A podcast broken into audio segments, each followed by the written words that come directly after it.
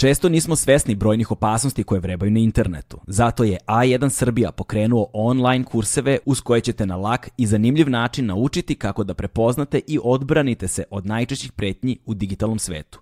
Ne pecajte se, posjetite kutak za bezbedan net na sajtu A1 Srbija. Legend Worldwide je domaći modni brend prepoznatljiv po džinsu i stilu, fokusiranom na stvaranje smirenog dizajna sa prizvukom modernog nasuprot bezuslovnom praćenju modnih trendova. A sada da pređemo na naše goste. Danas ćemo napraviti mali okrugli sto.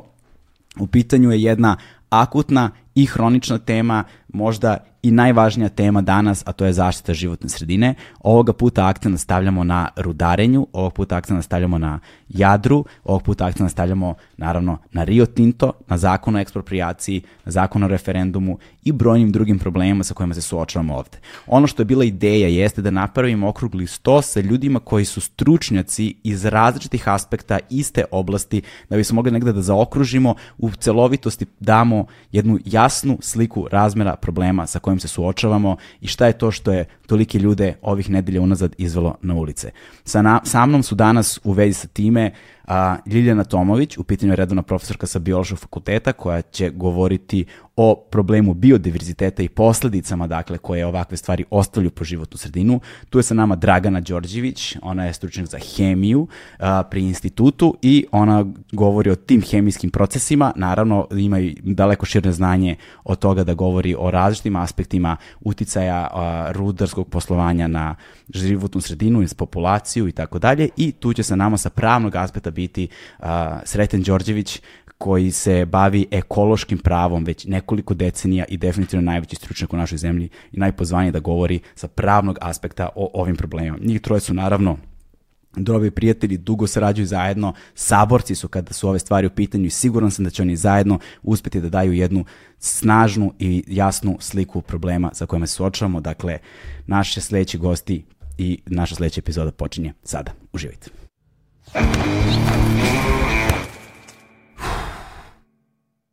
Hmm.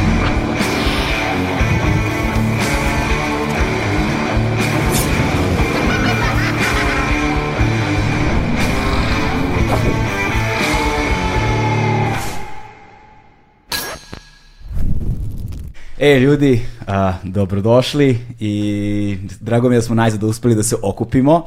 Bilo je strašno komplikovano a, s obzirom na vaše obaveze, na nedostatak radne snage i s obzirom na okolnosti naravno u kojima živimo, ali ne pamtim za sto i nešto epizoda koje smo radili da bilo je zaista teških dogovaranja sa ljudima, ali sa vama je bilo apsolutno najteže, ovaj, ali sasvim opravdano, a, pretpostavljam.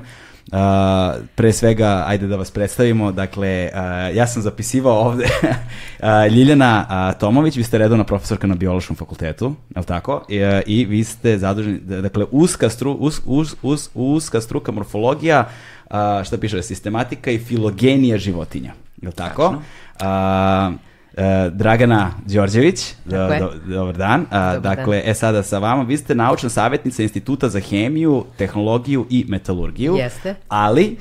Uh, to je institut od nacionalnog značaja i pripada Univerzitetu u Beogradu, tako da mi imamo obavezu i rada sa studentima, pre svega sa postdiplomcima uh, u vidu mentorstva, mastera, doktorata, doktorata i tako dalje.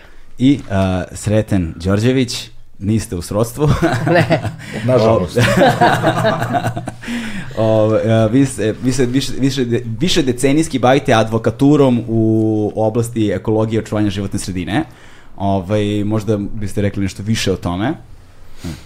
Pa ne znam koliko je moguće reći više od toga. Da. Dakle, pravo zaštite životne sredine, nešto što je jako komplikovano, mm. sveobuhvatno, teško omeđivo, da. Jel?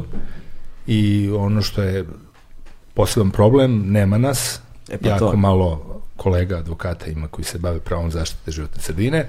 Moja kancelarija sad zapošljava šest advokatskih pripravnika, dvojica su već završila pravosudne ispite, imamo već troje sa završenim masterom, jednog doktoranta, tako da napredujemo, pravimo prvu generaciju obučenih, jel, specializovanih advokata u oblasti prava zaštite životne sredine. Što je apsolutni imperativ, čini mi se, još od juče, a ne danas ili sutra.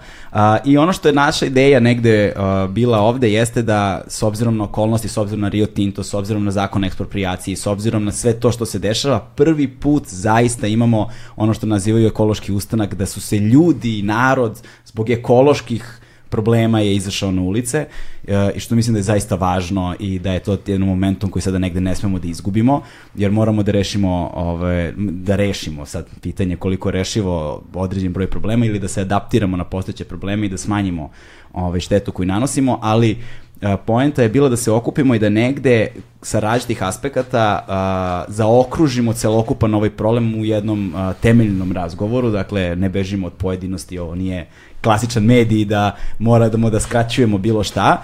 I tu je bila ideja, dakle, vi da govorite o tom pravnom aspektu zakona ekspropriacije, o ekološkoj zaštiti i tako dalje, vi da govorite kao sa, sa hemijskog aspekta, dakle, šta se to tačno dešava uh, u, u sredini u kojoj se vrše istraživanja, kopanja, obrade, jel tako, i vi sa aspekta biodiverziteta, dakle, oni konačnih posledica po našu životnu sredinu.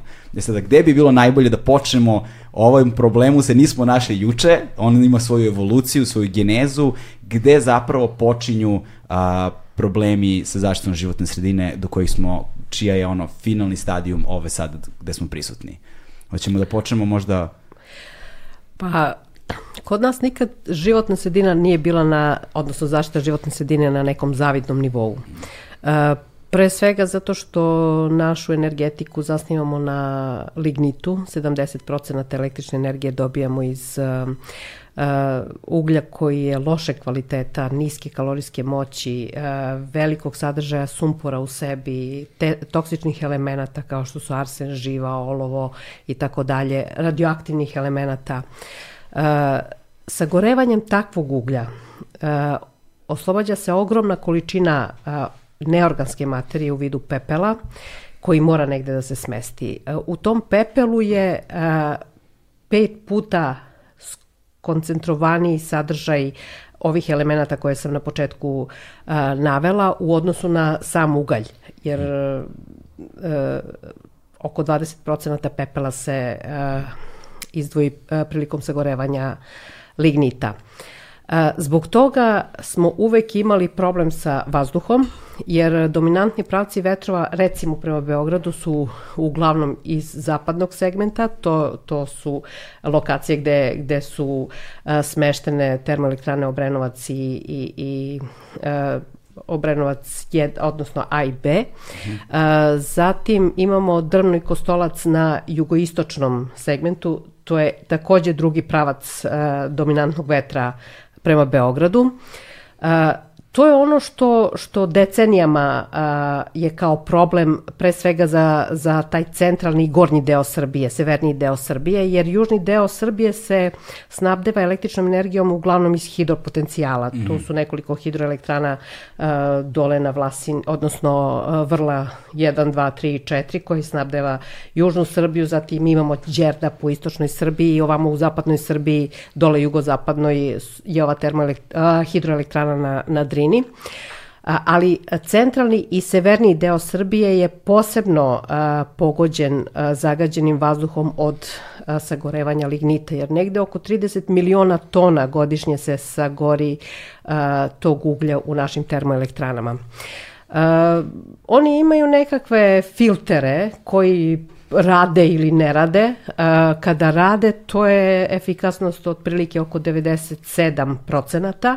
Međutim, u poslednje vreme, na, naročito na, nakon one poplave 2014. godine, došlo je do nanosa velikih količina mulja, blata na Tamnavski, Kolubarski basen gde se eks, eksploatiše lignit i to blato se uvuklo u, u, u lignit, tako da mi danas, Bogu slobodno da kažem, imamo Uh, umesto lignita zemlju crnicu koju oni uh, ubacuju u kotlove i sagorevaju kao ugalj. Uh, kolege iz Vinče su pokazale da uh, sadržaj neorganske materije u takvom ulaznom lignitu ide i do 70%. Uje. To je ogromna količina.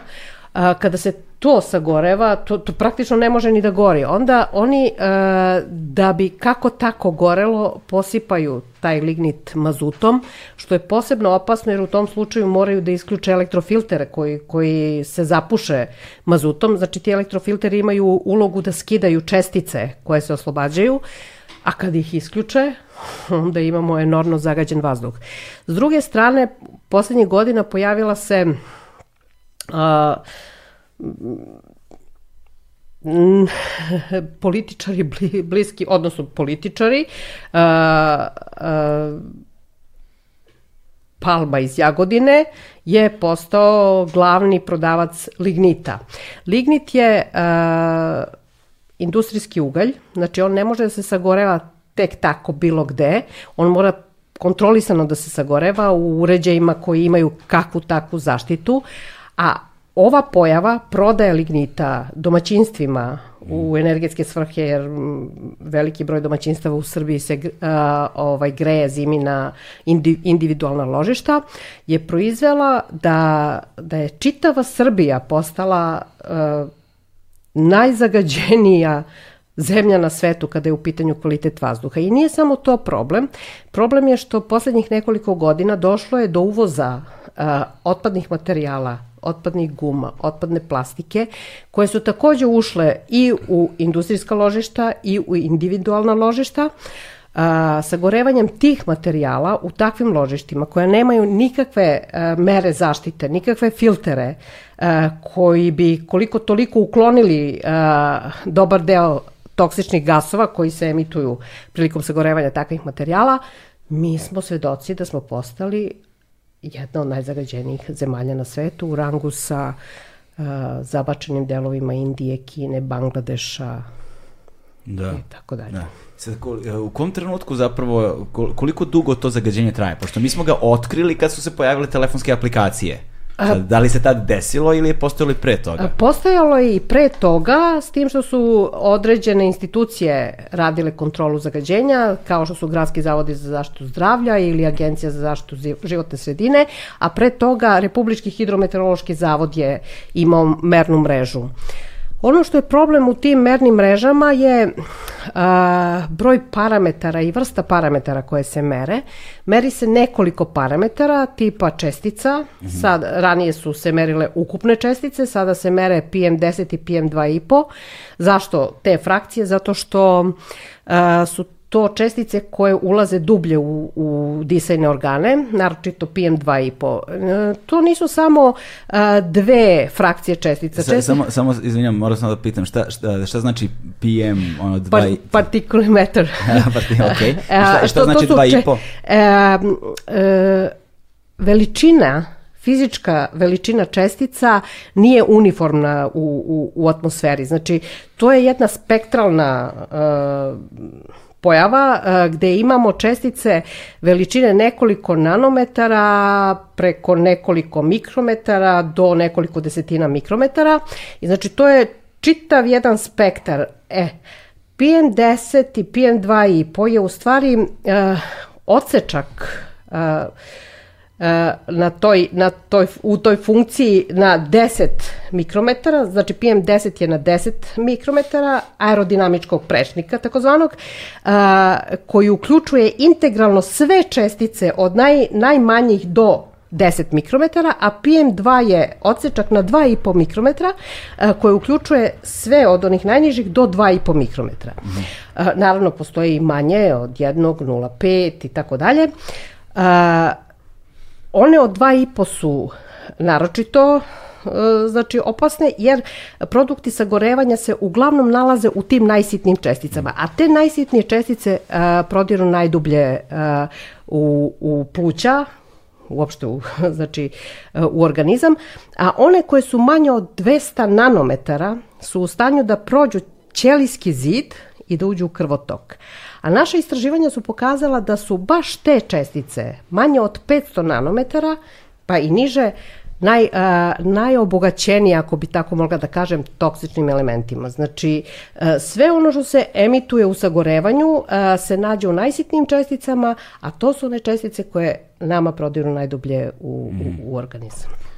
I, uh, da, dakle, da nastavimo sada, pored čestica, sa time da, uh, ka, koja je evolucija problema? Dakle, da su postojile nekakve institucije koje su kontrolisale to zagađenje? Da, znači, institucije decenijama kontrolišu jedne te iste parametre čestice, odnosno PM10 sada po, ne, po nekom mernom mestu uključuje PM2,5, sumpor dioksid, azotove okside, ozon, i otprilike to su, to su parametri koji se prate. Po negde neki specifičan kao što je u boru arsen, kadmijum, nikal, uh, ali to nije dovoljno da bi se stekla potpuna slika uh, čemu smo mi izloženi ovih naročito poslednjih nekoliko godina, kada mnoge institucije prestaju da rade to što su do sada radile, kada nam inspekcije ne rade, kada dolaze prljave industrije iz, iz Kine, uh, koje jednostavno ne vode računa o, o tome šta, šta emituju. Uh, imam utisak da mnoge industrije dolaze u Srbiju upravo zbog toga što je ovde dozvoljeno da se ne brine o životnoj sredini, a briga o životnoj sredini uh, košta, Znači, vre, oko 50% od investicije uh, odlazi na, na brigu o životnoj sredini i naravno da se investitorima isplati da uh, odlaze u zemlje gde ne moraju ta ulaganja da... Taj procenat ulaganja da, da daju. Da daju, jer to je njima čist profit. A šta je sa našim zdravljem? nikoga nije briga.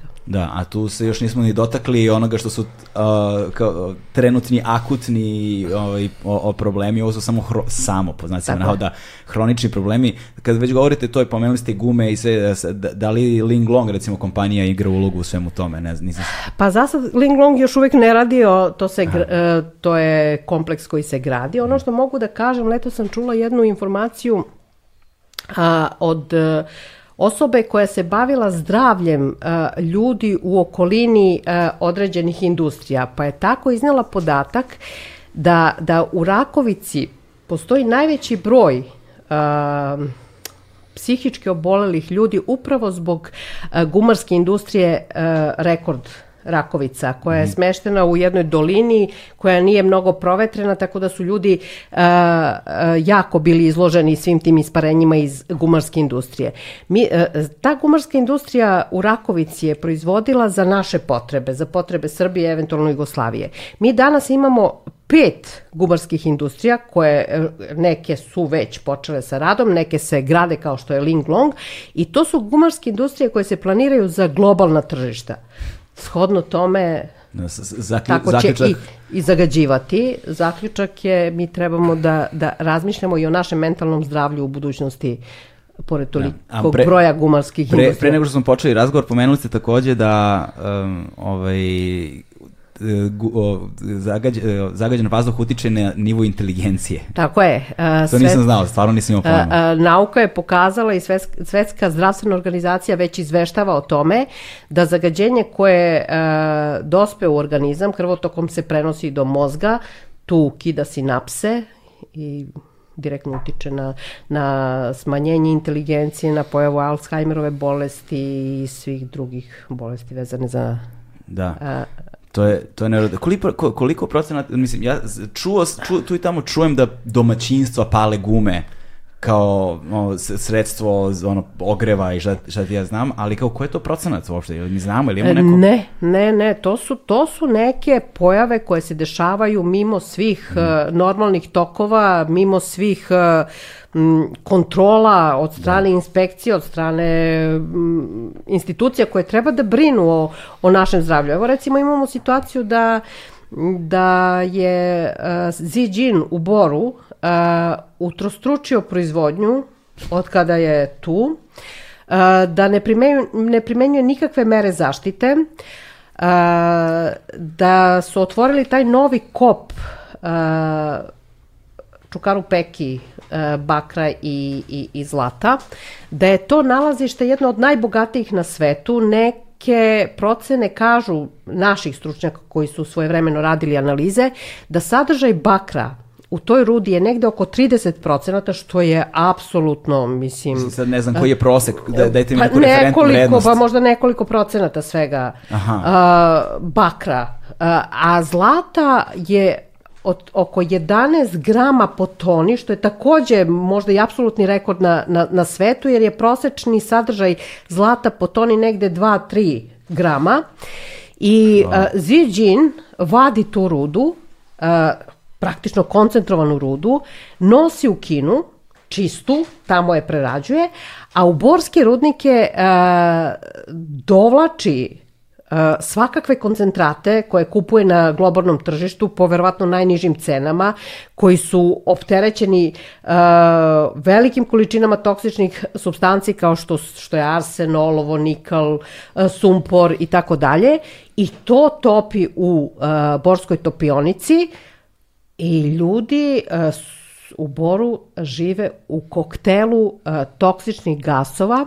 Uh, poslednja informacija koju imam je da je 25% stanovništva u Boru obolelo od neke vrste kancera i Batut je prošlogodišnji izveštaj, znači Batut je institut za javno zdravlje koji treba da brine o zdravlju stanovništva, sakrio taj izveštaj do kojeg su došle kolege iz Niša preko poverenika o dostupnosti informacija od javnog značaja. I šta je posledica toga? Ništa. Ništa. Ništa. Život, život ljudi u Srbiji očigledno nema nikakvu cenu. A1 je prvi prijatelj audio izdanja Agelast podcasta. Da, sad to otvara brojne teme ovaj, na ova dva fronta.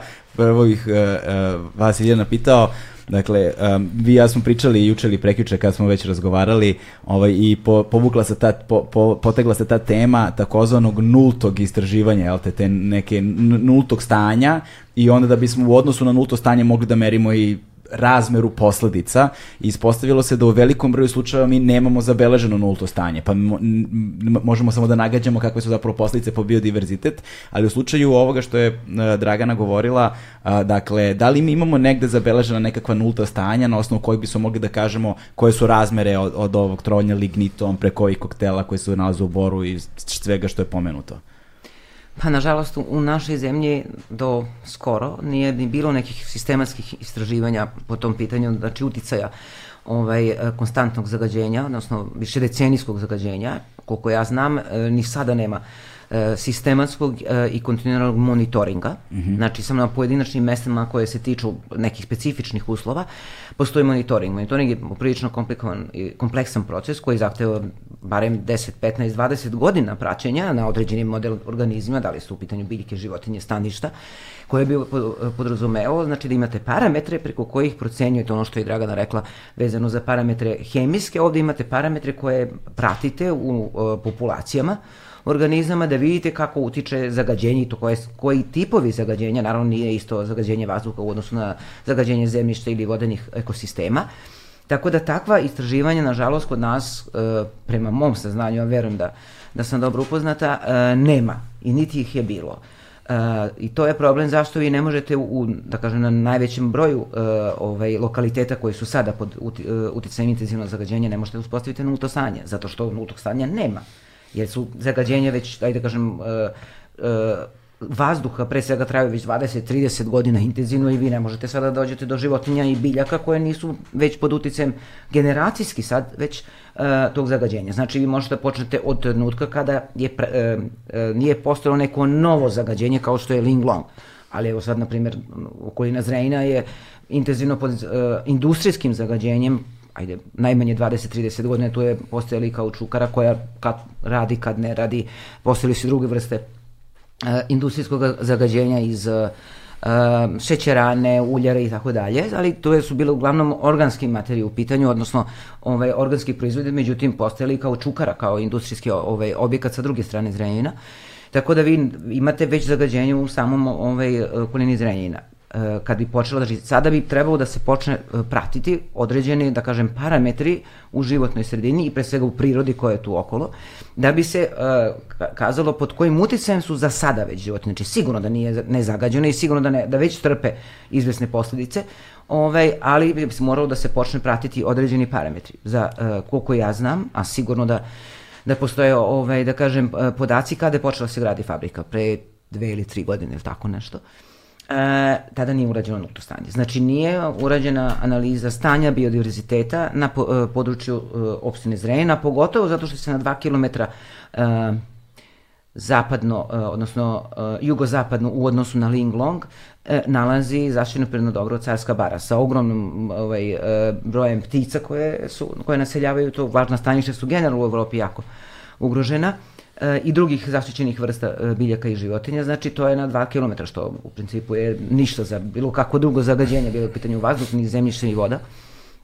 To je trebalo da se uh, uradi stanje biodiverziteta pre nego što je počela da se gradi fabrika. Barem u nekom zaštićenom prirodnom dobru, ne govorimo, ovo su uglavnom obradive površine to je poprilično ovaj kvalitetno zemljište, tako da je to najverovatnije da da ovaj nema ovaj zaštićenih vrsta na samom obradivim površinama, ali u okolini sigurno ih ima.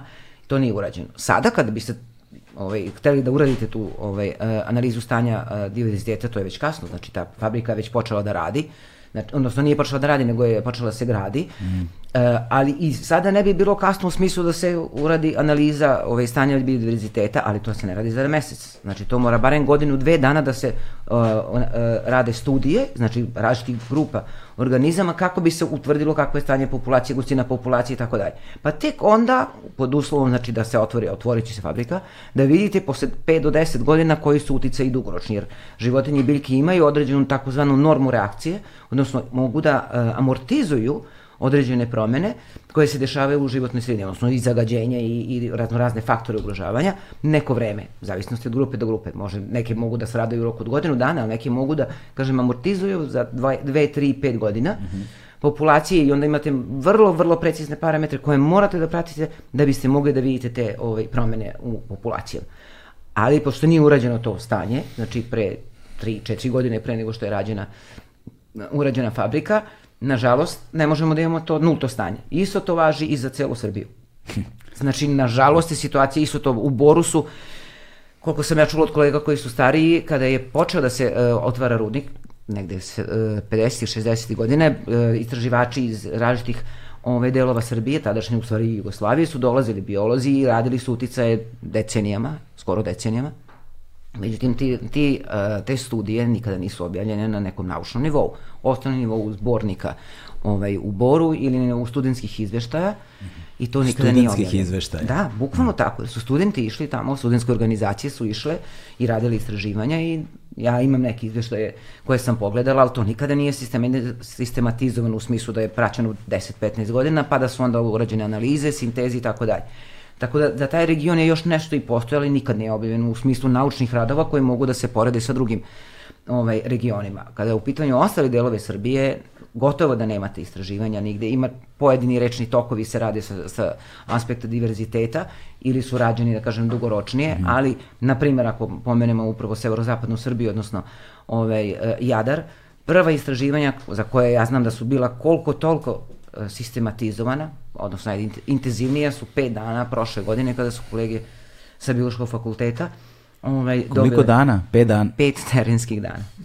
Pet, to, del, to delo je potpuno besmisleno. Mislim, da. ko, ajde ovako, koji je uh, period neophodan za terensko istraživanje da bi se napravilo, do, došlo do valjenih rezultata, pretpostavljam. Ja bih rekao, ne znam, godinu dana, na primjer. Ne? To je minimum, sigurno, minimum, minimum. I to zavisi od grupe do grupe. Neke grupe koje imaju, da kažem, životni ciklus takav da su aktivni u toku leta ili proleća, znači morate zahvati sve fenofaze, takozvane, odnosno svo vreme aktivnosti. Minimum je godinu dana.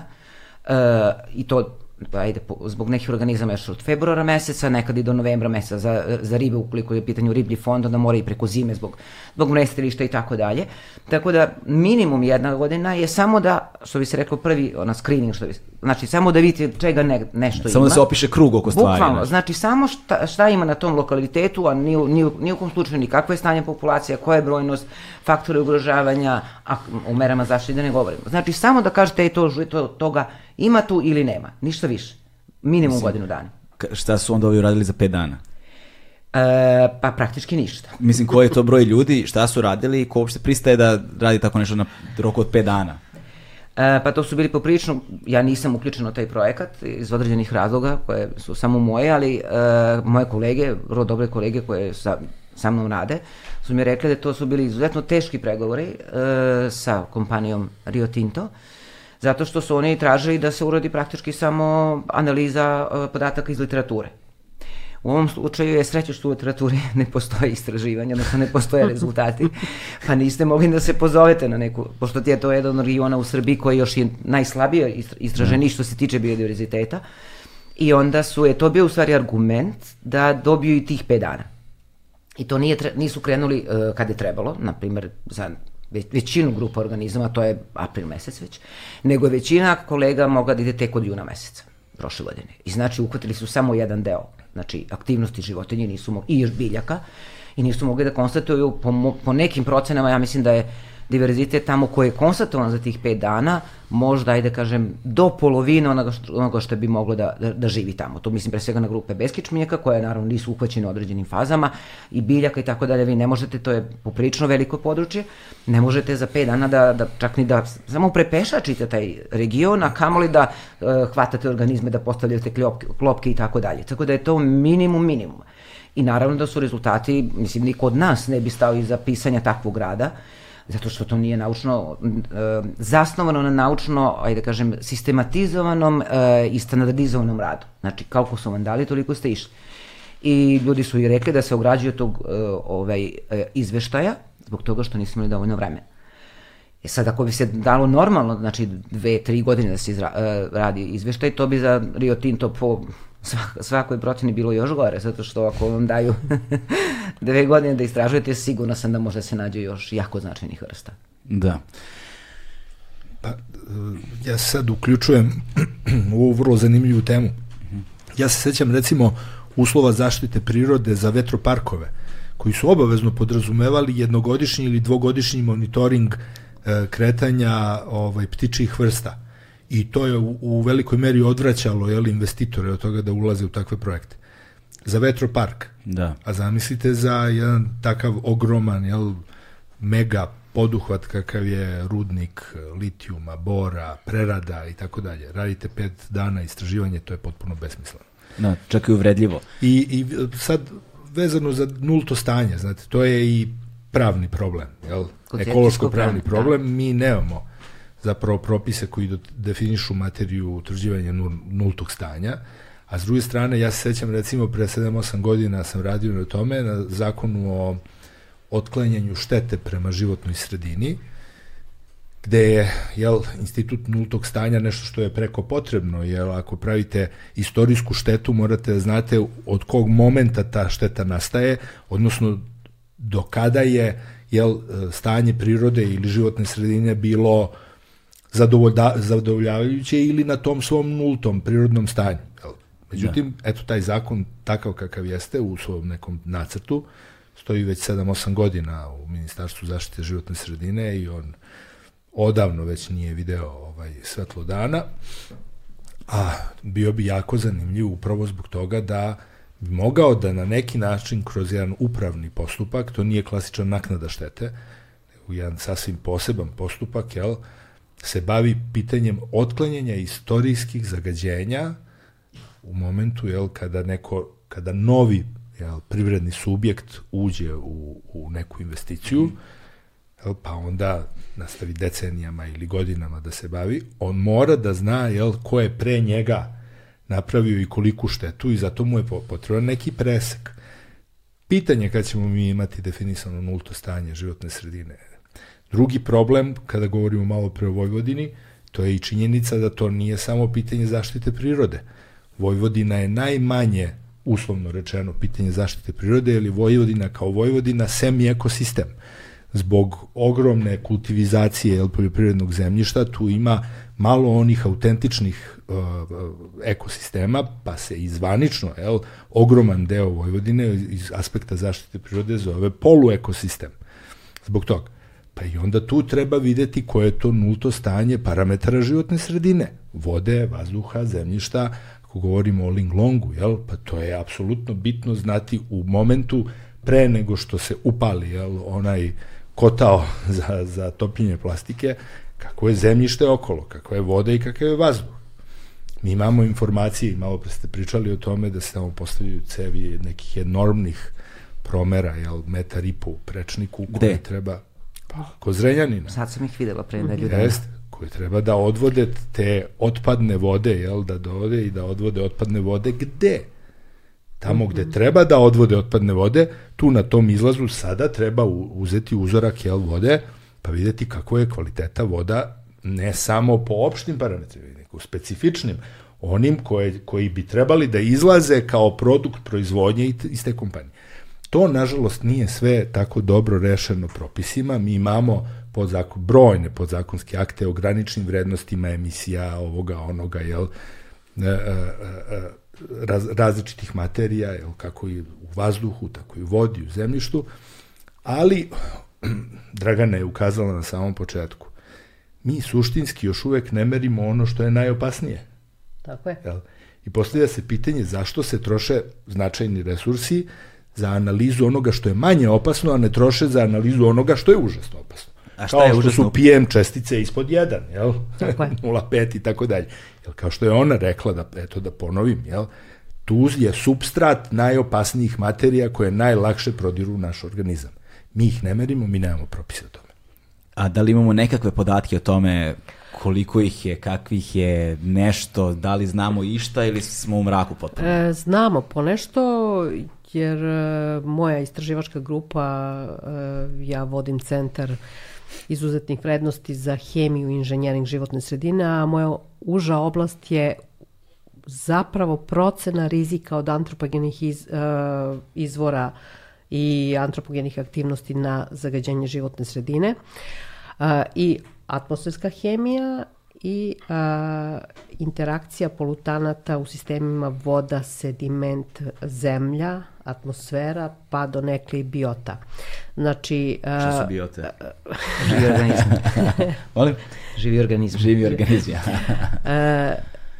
mi s vremena na vreme kada imamo naučni projekat i kada imamo sredstva odradimo po neku mernu kampanju pa smo tako u poslednjih deseta godina odradili dve merne kampanje. Jedna je trajala skoro godinu dana uh, u centru Beograda, a druga dve godine na Zelenom brdu, to je, uh, moglo bi se reći, suburbana zona između mm, Beograda i, i ovaj uh, ruralnih uh, oblasti hmm. oko Beograda. U obe merne kampanje smo radili uh, distribuciju uh, teških metala, uh, odnosno toksičnih elemenata u česticama počev od veličina uh, manjih od 500 nanometara pa do uh, 10 mikrometara u urbanoj zoni, a u ruralnoj zoni od 32 nanometra do, do 16 mikrometara. U obe a, merne kampanje smo utvrdili da je dominantna frakcija atmosferskih čestica manja od 1 mikrometra, u urbanoj zoni čak manja od a, 500 nanometara, Kada kažete, domina, kada kažete dominantna frakcija, u kojoj meri? Pa, o, n- da kažem, e, možda nekih 80% mase čestica je u tim, u, u tim česticama. znači, To je, to je zaista, to je skoro sve. E, Znači u urbanoj zoni Beograda, e, a u ruralnoj, e, odnosno suburbanoj, e, je dominantna frakcija između 500 nanometra i 1 mikrometra. I u jednom i u drugom slučaju smo utvrdili da su najtoksičniji elementi u najsitnijim česticama. Kada kažete najtoksičniji elementi, koji su to elementi? Recimo arsen, e, kadmijum, olovo, nikal i tako dalje. Znači, A to... koje su posledice trovanja tim uh, elementima? Pa uh, to, to je vrlo kompleksna, kompleksna um, da kažem toksikološka toksikološki proces, to, to, to toksikolozi sada treba da, da uh, uh, analiziraju uh, te probleme. Ono što smo mi utvrdili, znači da, da je u najsitnim česticama uh, najdominantnije su uh, toksične vrste i uradili smo prema uh, modelu Američke agencije za životnu sredinu EPA uh, procenu rizika od uh, kancera na, na populaciji Beograda uh, i utvrdili da je populacija Beograda pod povišenim rizikom od kancera zbog prisustva arsena u vazduhu u česticama i zbog prisustva šestovalentnog hroma. Šestovalentni hrom može da, da stiže iz železare a, Smederevo, jer tamo se rade a, obrade metala na, vi, na visokoj temperaturi, a hrom je sastavni deo čelika. Tako da mi već imamo neki orijentir u kakvom vazduhu uh, živimo, odnosno u kakvoj životnoj sredini, šta udišemo i pod kakvim rizici smo. Riz, uh, rizika smo. Pod kakvim, pod kakvim rizicima smo. Šta, da, šta, šta zakon kaže u tom kontekstu? Jer mi smo, mislim, onome što su njih dve malo pre ispričale, ima ono pregršt problematičnih tačaka sa aspekta prava i, i propisa i nadzora i kontrole i inspekcija kojih nema i situacija koja je bila sa skrivanjem podataka i sa brojnim, ono, više ne znam ni odakle bih teško mi je mislima da obuhvatim zapravo spektar svih ovih problema i da, ga ja, da jasno opišem krug oko njega, da razumijem njegovu veličinu, da bih mogao uopšte da artikulišem misa u kontekstu ono, pravne problematike u kojoj ste vi već koliko decenija unazad. Prvo treba shvatiti da je pravo zaštite životne sredine jedna ogromna oblast koju je nemoguće uokviriti. Ovo o čemu sad pričamo, to su to je jedan jel posto ili hmm. jedan jako mali deo koji se tiče prava zaštite životne sredine i koji govori recimo o nedostacima podzakonske regulative koja po našim propisima meri neke vrste čestica, a druge koje su, kako smo malo pre rekli, mnogo opasnije, ne meri. Mm. To je veliki problem u postupku dokazivanja sutra pred sudom, da li je neko pretrpeo štetu ili nije pretrpeo štetu.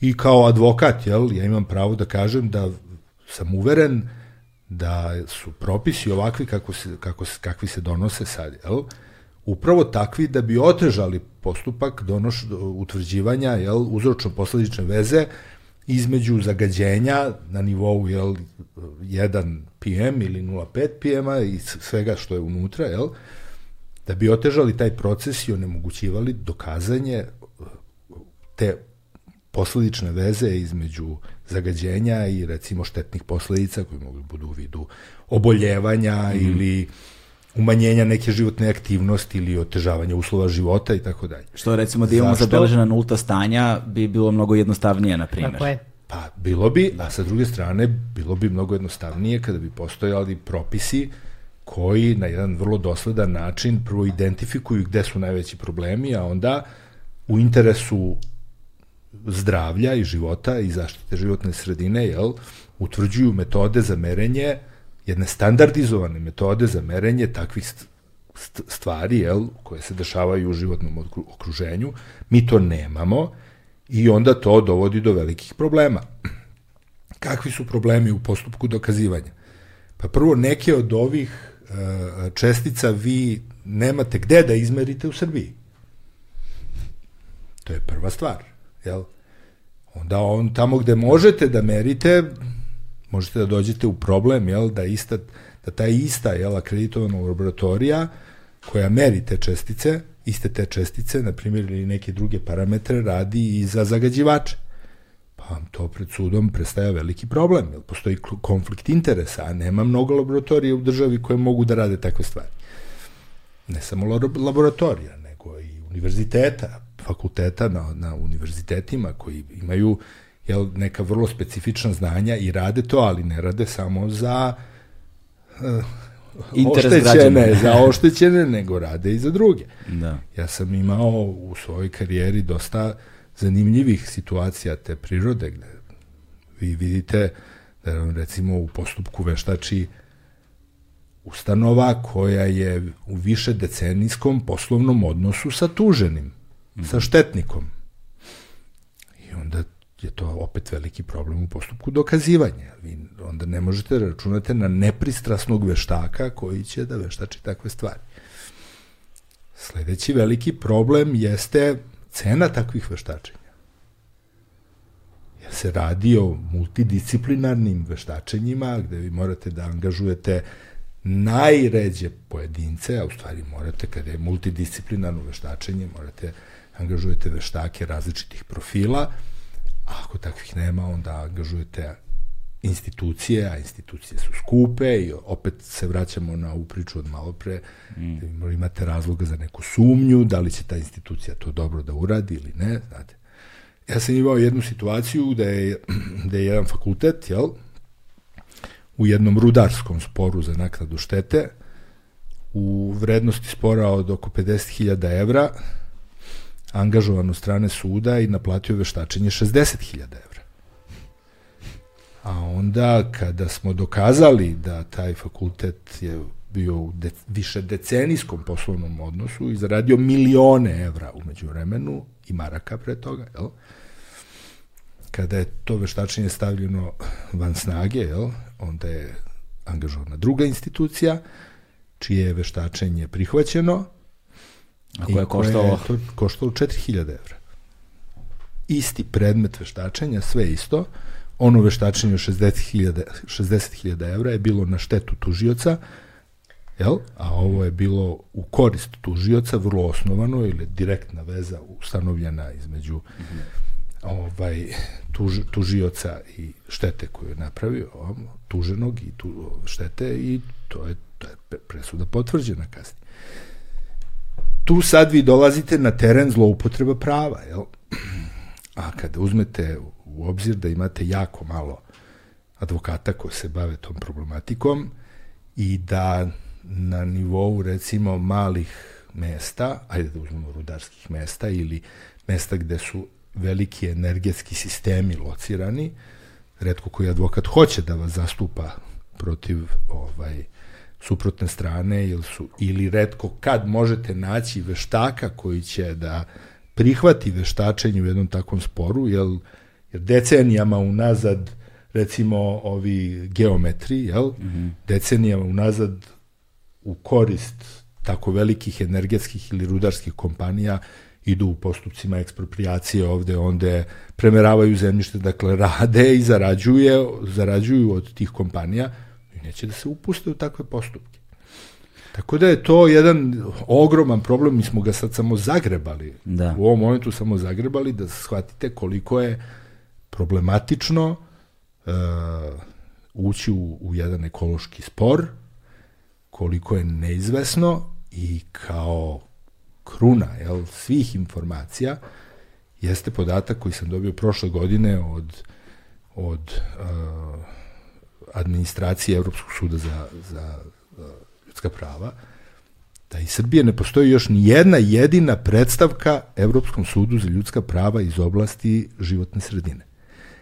Mi, opterećeni ovakvim jel, monumentalnim ekološkim problemima, zagađenjima, uticajima na zdravlje, e, javno dostupnim podacima o tome koliko hiljada ljudi godišnje umre, umre samo od zagađenja vazduha, nemamo ni jednu jedinu predstavku pred Evropskim sudom za ljudska prava u toj oblasti. Kako to možemo da promenimo? To je sada to, to, je sada, to je sada veliko pitanje, a između ostalog i kada, smo, kada sam pokušavao da organizujem jel te, goste za, za, ov, za ovaj razgovor, tada sam saznao i u razgovorima sa vama i od ljudi koji su mi preporučivali da postoji takođe problem ljudi koji bi mogli uopšte da govore, jer su brojni, sad ne, ne imenujemo, jel te, radili upravo analize, studije slučaja za te velike kompanije i potpisivali te NDA i non-disclosure agreement, jel te, i onda ne mogu da i davali pozitivne ocene, između ostalog. Što je opet problematika sebe kada imamo ljude koji su zapravo akademici iz na, sa naših univerziteta koji rade pozitivne studije slučaja, recimo, baš u konkretnom primjeru Rio Tinta. Kada su u pitanju informacije o životnoj sredini, mm -hmm. takve informacije ne mogu da budu zaštićene nikakvim oblikom poslovne tajne. Aha, to nisam znao. E, Dakle, to je vrlo bitno da se zna i da takve informacije ne mogu biti zaštićene, tako da mislim da se pojedinci manje više kriju iza ugovora koje zaključuju i oni sami znajući jel, da oni ne mogu da ne objave informacije o životnoj sredini, zdravlju, takođe informacije o inspekcijskom nadzoru i tako dalje. To su informacije koje ne mogu biti proglašene poslovnom tajnom. Da. A konkretno u ovom slučaju, recimo, sakrivanja rezultata koje je Batut, jel tako? A, da, tako je. Počinio šta, šta, kako, kako se ulazimo u problematiku tih stvari? Preko poverenika mm -hmm. za informaciju da, od javnog značaja, da. Ste dobili, ali govorimo o posledicama kad, se, kad je razotkriveno sakrivanje. To je kao što je prošlo. To je sad e, pravni, pravni. aspekt. Pa da. Prema mojim informacijama tu ne postoji nikakva malicioznost naučnika koji su radili na tim istraživanjima mm -hmm. i mislim da su oni svoj posao uradili na jedan izuzetan i profesionalan način, ali da je institucija zakazala i da je institucija uprkos njihovim brojnim zahtevima koji su trajali mesecima, možda i par godina, odbijala da objavi te informacije. Tako da se tu zapravo struka nije zakazala, struka je uradila jedan izuzetan posao, da. jel? Jer da struka nije uradila izuzetan posao, institucija ne bi krila te podatke. Da, da ali kao, kako, sada, kako sada se tereti institucija za odgovornost i da se preduprede bilo kakvi budući takvi slučajevi. Mislim, i post, otvara još mnogo, daleko veće pitanje, koliko takvih neotkrivenih studija imamo? Znaš, ja, sad mi možemo da nagađamo, pretpostavljam, možda ima nek, znaš, da spekulišemo, ali ne znamo u suštini koliko koliko mi je jasno. Pa, e, mislim, e, skrivanje informacija o životnoj sredini ili informacija koje bi mogle biti od značaja za zdravlje i život ljudi je krivično delo. Da. Međutim, čitava ta oblast krivičnog zakonika vezana za zaštitu životne sredine, krivična dela protiv životne sredine, e, to su krivična dela koja se gone po službenoj dužnosti. Dakle, vi možete da podnesete krivičnu prijavu, ona dođe nadležnom tužiocu, nadležni tužilac je gazda u tom predmetu, vi nemate više nikakav uticaj na tok tog predmeta, gotovo nikakav uticaj, tako da takvi predmeti, nažalost, mahom završavaju u fiokama do njihove zastarelosti. Postoji jedan drugi problem, to je i problem neobučenosti tužilačkog kadra, da u određenim činjenicama, jel, u nekom činjeničnom stanju prepoznaju bitne elemente, bitna obeležja nekog krivičnog dela iz ove oblasti. To je jedan objektivni problem, jel? Postoji treća stvar, a to je da vi gotovo ne možete da se setite kada je neki veliki sistem, jel, kao što je rudarski energetski sistem, odgovarao za ovaj, narušavanje jel, životne sredine ili oštećenje životne sredine ili izazivanje opšte opasnosti ili kako god, ne možete, ja ne mogu da se setim. A imao sam ovako vrlo zanimljivih situacija u svojoj karijeri, na primer kada je kad se pokrenula, pokrenulo jalovište kod termoelektrane Kolubara A u jednom selu iza, gde pukim čudom niko nije poginuo, jer se u sred noći sručilo jalovište i zatrpalo ne znam koliko desetina kuća tamo u tom selu. Sećam se da sam tad pisao krivičnu prijavu, to je, znate, to je čisto kao sunce. Tu imate mnogo krivičnih dela, jel? Ta krivična prijava je stajala u osnovnom javnom tužiocu, tužilaštvu u Lazarevcu, ja ne znam, nekoliko godina, onda su oni u jednoj rečenici odbacili krivičnu prijavu, ta rečenica je jedna složena, jedna jedina rečenica u kojoj se kaže da u radnjama izvršenja nije utvrđeno postojanje ni jednog krivičnog dela koji se goni po službenoj dužnosti, tačka. I onda vi napišete prigovor protiv toga, onda se on krčka u višem tužilaštvu još dve, tri godine, onda oni vrate nazad i to je, i više zaboravite za to. Dakle, tako funkcioniše sve to. Da. Ja imam jednu vrlo veliku rezervu i prema tim uh, postupcima koji su imali svoje, svoje medijske epiloge. Ako se sećate, oni postupci vezani za pronalaske opasnog otpada u uh mhm. -huh. Buradima negde uh mhm. -huh. kod u Vojvodini pa u ovde okolini Lazarevca i tako dalje.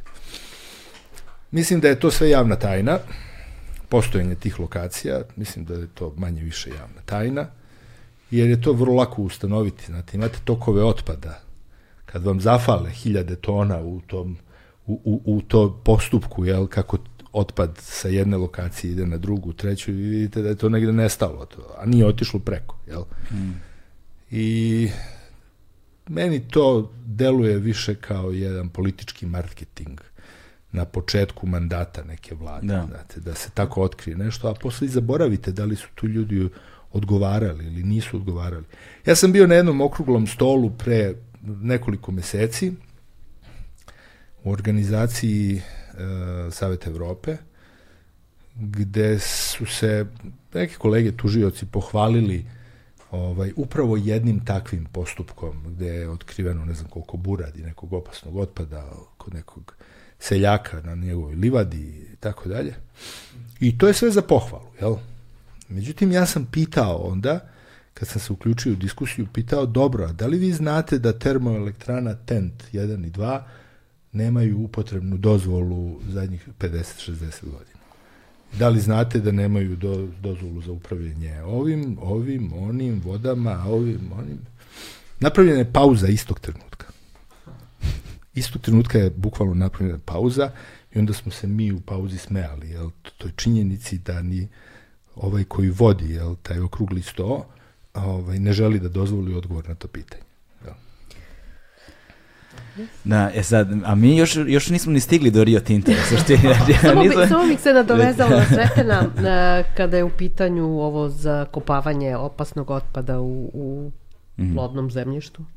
Ja sam imala prilike pre 10-11 godina da prisustvujem remedijaciji jedne lokacije sa industri, i, a, istorijskim zagađenjem u blizini Ciriha. Mm -hmm. To je jedna livada a, veličine 6 hektara. Sam, samo što znači remedijacija? A, čišćenje od a, istorijskog zagađenja. Znači da se očisti zemlja. A, cena remedijacije te livade od 6 hektara je iznosila 2 milijarde švajcarskih franaka. Uh, ja se samo pitam... Koliko hektara? Šest hektara. Šest znači, hektara, ja sam dve prakti... milijarde za šest Tako hektara. Tako je, ja sam videla najskuplju livadu na svetu. Pitala, pitala sam ih šta planiraju na tom prostoru, rekli su ništa da ostane tako ka, kao što je nekada bila livada. Uh, sa ovolikim uh, otpadom koji se u Srbiji zatrpava, u burićima koja će vremenom procuriti i taj sadržaj izaći napolje i kontaminirati uh, zemlju, uh, Pitam se uh, s kojim novcem će Srbija to čistiti i ko će to čistiti? Da, Eto, to je... To je da, e sad tu dolazimo, Ljiljana, nas do vas, ovaj, jer sam, kao, prvo sam hteo da, da, da se vratim na ovu temu nepostojanja, jel te, tih uh, nultih uh, rezultata i kao, no, no, i, da, i da vidimo kao, na koji način zapravo vi sada adresirate sve probleme koje imamo i na osnovu kojih parametara, kojim parametrima se vodite, koje su vam neke referentne vrednosti i kako pokušavate da opišete krug oko svih tih problema, onda je ovo sad otvorilo temu tih, tog, tog zakopavanja uh, ovaj, u, na tim plodnim zemljištima, koje su posledice toga takođe po ono, biodiverzitet i kako, kako izgledaju ti procesi kroz vreme. Um, pa, nije samo u pitanju uh, plodno zemljište, u da. pitanju da. su ekosistemi, uh, prirodni ekosistemi. Mi još uvijek imamo ajde da kažem, delimično neugrožene, ja mislim da je možda manje od 1%, uh, ajde kažem, autoktonih, očuvanih ekosistema na, na teritoriji Srbije. Manje od 1%? U smislu da, je, da nije da to, dotakla ljudska ruka, odnosno da su mm -hmm. neugroženi u tom smislu, da su Gde se nalaze očuvani. oni? Pa... Nećemo da otkrijemo. Ne. Bolje da čuti. I ja sam imala prilike da ih vidim naravno u istraživačkom radu i volao bi da ne, da, okay, da ovaj, ne moram okay. da podelim tu informaciju, ovaj, pošto neki od njih koje sam upoznala pre 15 godina više nisu to. Uf. Ove, ovaj, svi, svi znaju za te ekosisteme Stara planina u pitanju, iako većina njih misli da je Stara planina jedna od najučuvanijih i najboljih ekosistema daleko od toga. Kršenje šuma je počelo još davnih dana na, na području Stare planine, još pre jako davno, 25 godina kada sam prvi put otišla na Staru planinu je bio problem krčenja šuma na Staroj planini, pa tako dalje, da, znači da, da sad da ne detaljišem sa, sa ovaj, e, istorijskim već uništavanjem prirode, jer je to sigurno nekoliko stotina godina, a intenzivno poslednjih 100 godina, Ovaj, e, međutim, problem je u tome što mi mm, možemo da pratimo neke parametre, u smislu prisustva nekih e, život, e, životinja, da, da uradimo takozvane komparativne analize, odnosno uporedne analize određenih tipova staništa, pa sada da li te životinje na ne, nezagađenim, odnosno neugroženim staništima treba da postoje od, na primjer, 100 vrsta životinja koje žive na nezagađenim, odnosno neugroženim, e, ne na ugroženim ekosistemima, ako poredi sa nekim koje bi trebalo, odnosno koje je izgledalo nekada tako, možda kažete ne živi 100 vrsta, nego živi 75 ili živi 25, to je prvi parametar. Drugo je da vidite kakve su stanje njihovih populacija, odnosno kakva je gustina populacije, lupam, da li zečeva ili kornjača ili guštera na određenoj površini ili nekih drugih organizama. I opet da poradite taj kvantitativni pokazatelj, odnosno brojčani pokazatelj, ne samo da li nešto jeste prisutno ili ne, odnosno kakva je njegova populacija na nečemu, ali naravno da morate imati referentni sistem, znači morate imati neugroženo stanište, mm -hmm. Znači, ako je neki šumski ekosistem, na nekim mestima u Srbiji jesu neugrožene i sad tu pobrojite broj vrsta koje žive i biljaka i životinja, gljiva i tako dalje i onda porite sličan takav ekosistem, šumski, koji bi trebao da postoji, znači da nije nekih faktora ugrožavanja. I onda znači imate i ta kvalitativni, da kažem, analizu, da li nečega ima ili nema, što bi trebalo da ima, i kakve su stanje populacije, odnosno brojnost tih populacija, ali ne samo u tom trenutku. Vi možete da ste desi da niste mogli, da, da nije bilo odgovarajuće e, vremenske prilike i tako dalje, sezona je takva. Znači morate imate kroz vreme poređenje sa originalnim ekosistemom. I onda možete posle dve ili tri, četiri godine monitoringa i to uporednog monitoringa, znači i ovaj, originalnih ekosistema i ovi koji su pod ovaj, uticajem raznih faktora, da kažete da ovde je toliko i toliko uticaja i, e, i kvantitativne i, i kvalitativne pokazatelje šta se dešava sa e, životnom sredinom, odnosno sa živim bićima, ja govorim sa aspekta živih bića naravno, naravno to su i hemijski parametri, fiziko, e, fizičko-hemijski parametri i tako dalje, ali kada je u pitanju živa bića, to su dva osnovna ovaj, da kažem, parametra kako pratite uh, uticaje određenih uh, faktora da. ugrožavanja. I sad to je problem što vi uh, ne možete to da radite na, na uh, ajde kažem, jedan problem u tome što i, i uh, ovaj, kolega pravnik rekao, jel, Sretin, uh, što imate jako malo ljudi koji se bave takvim poslovima. Znači, ne samo u pravu, nego i sigurno sam i u, u hemiji, u fizičkoj hemiji, znači životne sredine imate vrlo malo ljudi koji su specijalizovani za takve poslove, jer ne može svako da one da vam prebrojava organizme i da ih traži na odgovarajući sistema, sistematizovani, standardizovan način, mora da bude obučen.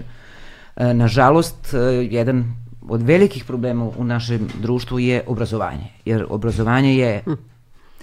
osnov svega i ako nemate dovoljno kvalitetno, dovoljno specifično obrazovanje za one stvari koje su vam potrebe, imate veliki problem. A sad se ispostavlja da uh, mi 20-30 godina nismo znali da prepoznamo probleme i da obučimo ljude koji mogu da imaju specifične alatke i specifična znanja iz oblasti i e, prava u eko, ekološkim ne kažem, ekološkog prava, iz e, hemije i zaštite životne sredine, pa i među biolozima. Mi imamo, žao me što to moram da kažem, stotine ekologa, znači diplomiranih ekologa, koje, nažalost, nemaju specifične veštine, i specifična znanja, pogotovo kada treba da neke procedure ispoštuju, pa čak i, i zakonske procedure, mi ih školujemo, ima ekologa takozvanih, odnosno to su ljudi koji se bave zaštitom životne sredine i, i u oblasti na, na, na fonu, koliko ja znam, i na tehnološkom fakultetu, na hemijskom fakultetu, na biološkom fakultetu, tako dalje, koji u suštini ne znaju procedure, osnovne procedure. Sam ja doživjela pre neki dan kad me zvala moja bivša studentkinja, koja je rekla profesorka, e, pa šta mi sad da radimo, hoćemo zaštitimo neko područje, ja rekao, koleginici, to ste slušali na, na predavanjima, mislim, kako se to, ali kaže, mi ne znamo kako, kako da ispoštujemo zakonsku proceduru, I onda otprilike šta li smo mi radili, 40 ili 50 nastavnika koji smo im držali ovaj, predavanje iz tih oblasti, u suštini nismo ih naučili kako osnovne stvari treba da, da oni sprovedu u svojoj opštini ili bilo šta, znači ne znaju prvi korak koji treba da urade. I ja sam siguran da 90% ljudi koji su studenta, odnosno svršenih studenta iz svih tih oblasti ne znaju kako treba da urade. I sad se vraćamo na nešto što je trebalo sistemom obrazovanja da se predvidi još 20-30 godina. I ono što je najveći problem, vi ne možete dobrog pravnika u oblasti zaštite životne sredine da napravite za godinu dana. Ni za pet godina, ja sam sigurna u to. Da. Isto tako ne možete dobrog ekologa, ne zaštitara, nego ekologa, da, e, da zna sve ove, ili barem deo tih procedura, ili barem da zna kome da se obrati, ne možete napraviti za godinu, dve, tri. Znači, to je e, rad koji zahteva i rešenost da se bavite time barem 5 do 10 godina. Da biste prve rezultate, ali zaista kredibilne rezultate dobili za 10 godina. U to sam ubeđen. Da, ja stalno ponavljam ono što je meni uh, profesor Svetislav Kostica pravnog fakulteta koji je stručnjak za poresko pravo, jel te, kada smo pričali ovom prili, jednom prilikom ovde baš o tome, on mi je, on mi je pomenuo i to stalno ponavljam, a kaže, prvo, rešenja postoje, ali ne traju jedan mandat. I onda niko ne želi da ih se lati, zato što njih će njihovo ime biti to koje je potpisano -hmm. kao velikog, naš, uh, uh, kao velikog čoveka za naše društvo.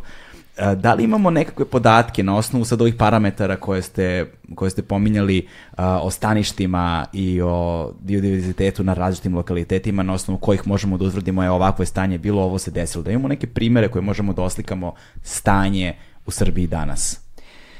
Pa za neke specifične grupe, za neke, uh, ajde kažem, uh, određena područja koja su bila delimično istraživana. Postoje podaci, ja mogu da navedem samo neke, ajde da kažem, primere. E, najugroženije generalno u Evropi su važna staništa, takozvane bare, močvare, e, e, meandri reka i tako dalje. Kakvo je stanje, odnosno koliko je prisustvo bilo toga na teritoriji Srbije?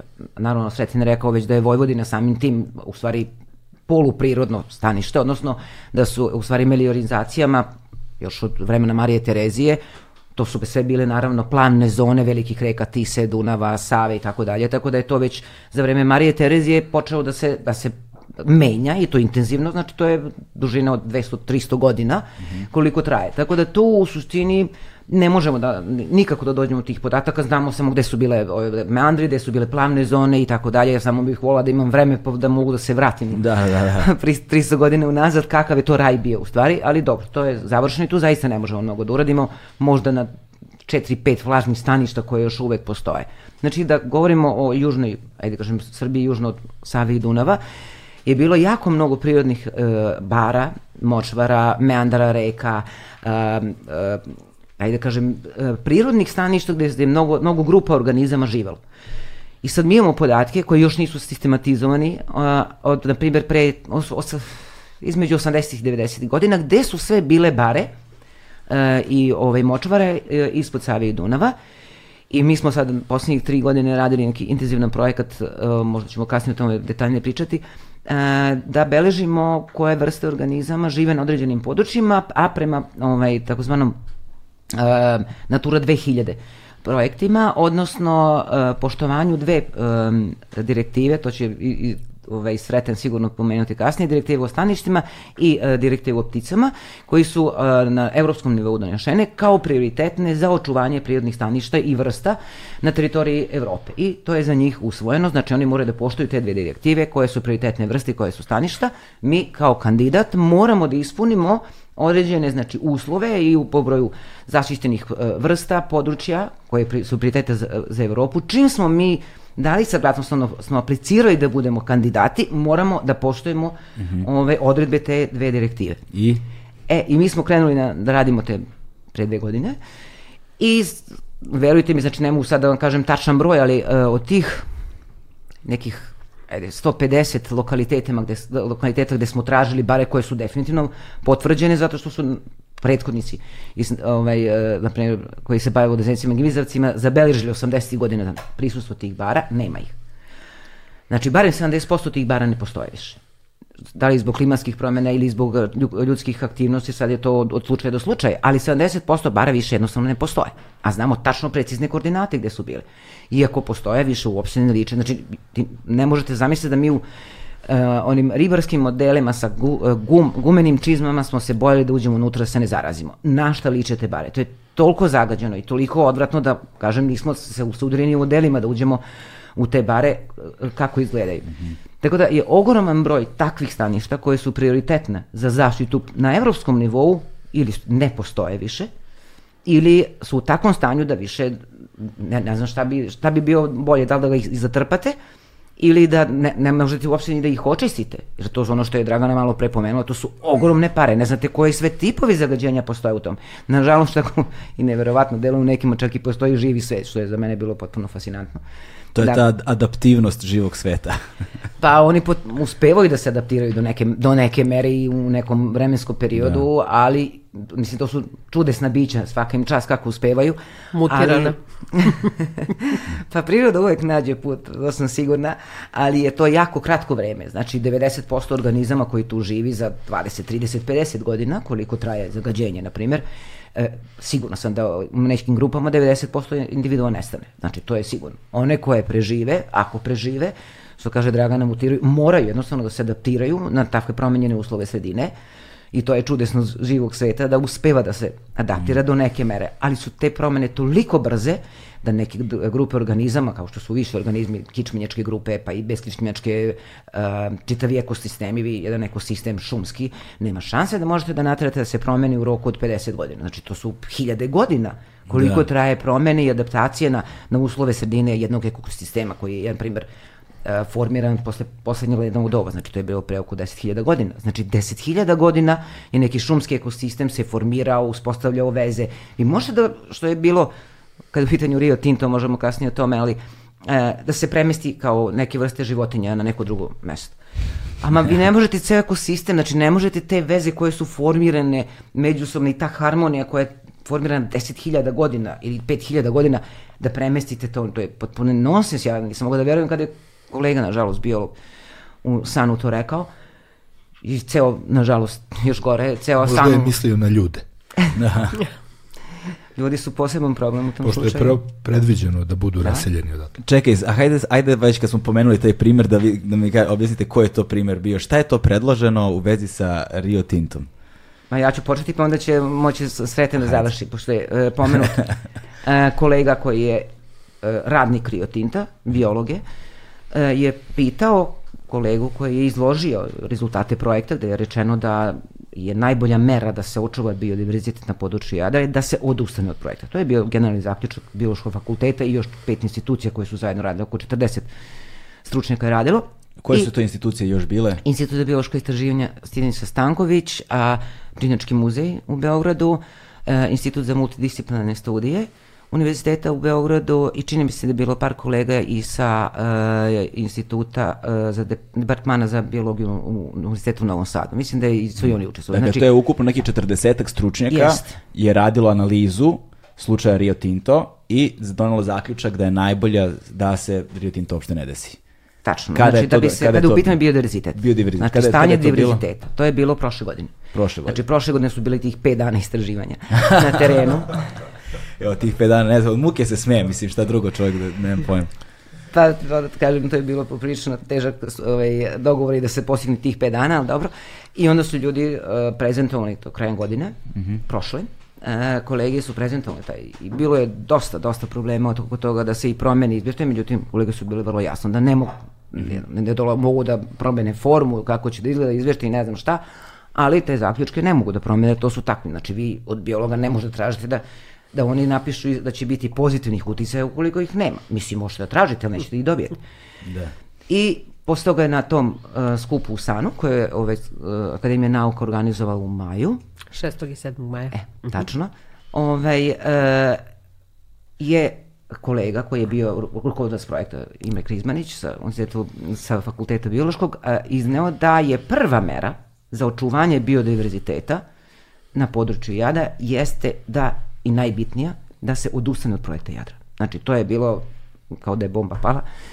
Ove, e, I onda se kolega biolog iz Rio Tinta obratio i rekao, pa dobro, eto Rio Tinto ima puno para, može da, da uloži u takozvano transluciranje, odnosno prebacivanje organizama koje žive tu, odnosno prirode, ne samo organizama, nego prirode, sa tog područja na neko drugo područje i kao da li je to teoretski, znači da li to bi moglo da se izvede i onda je moj kolega odgovorio da samo teorijski u svetu postoje u suštini kao predlozi nekakve ajde kažem pokušaje, nikada ne, uh, uspešno to nije izvedeno u svetu, a u našim uslovima to je potpuno nezamislivo.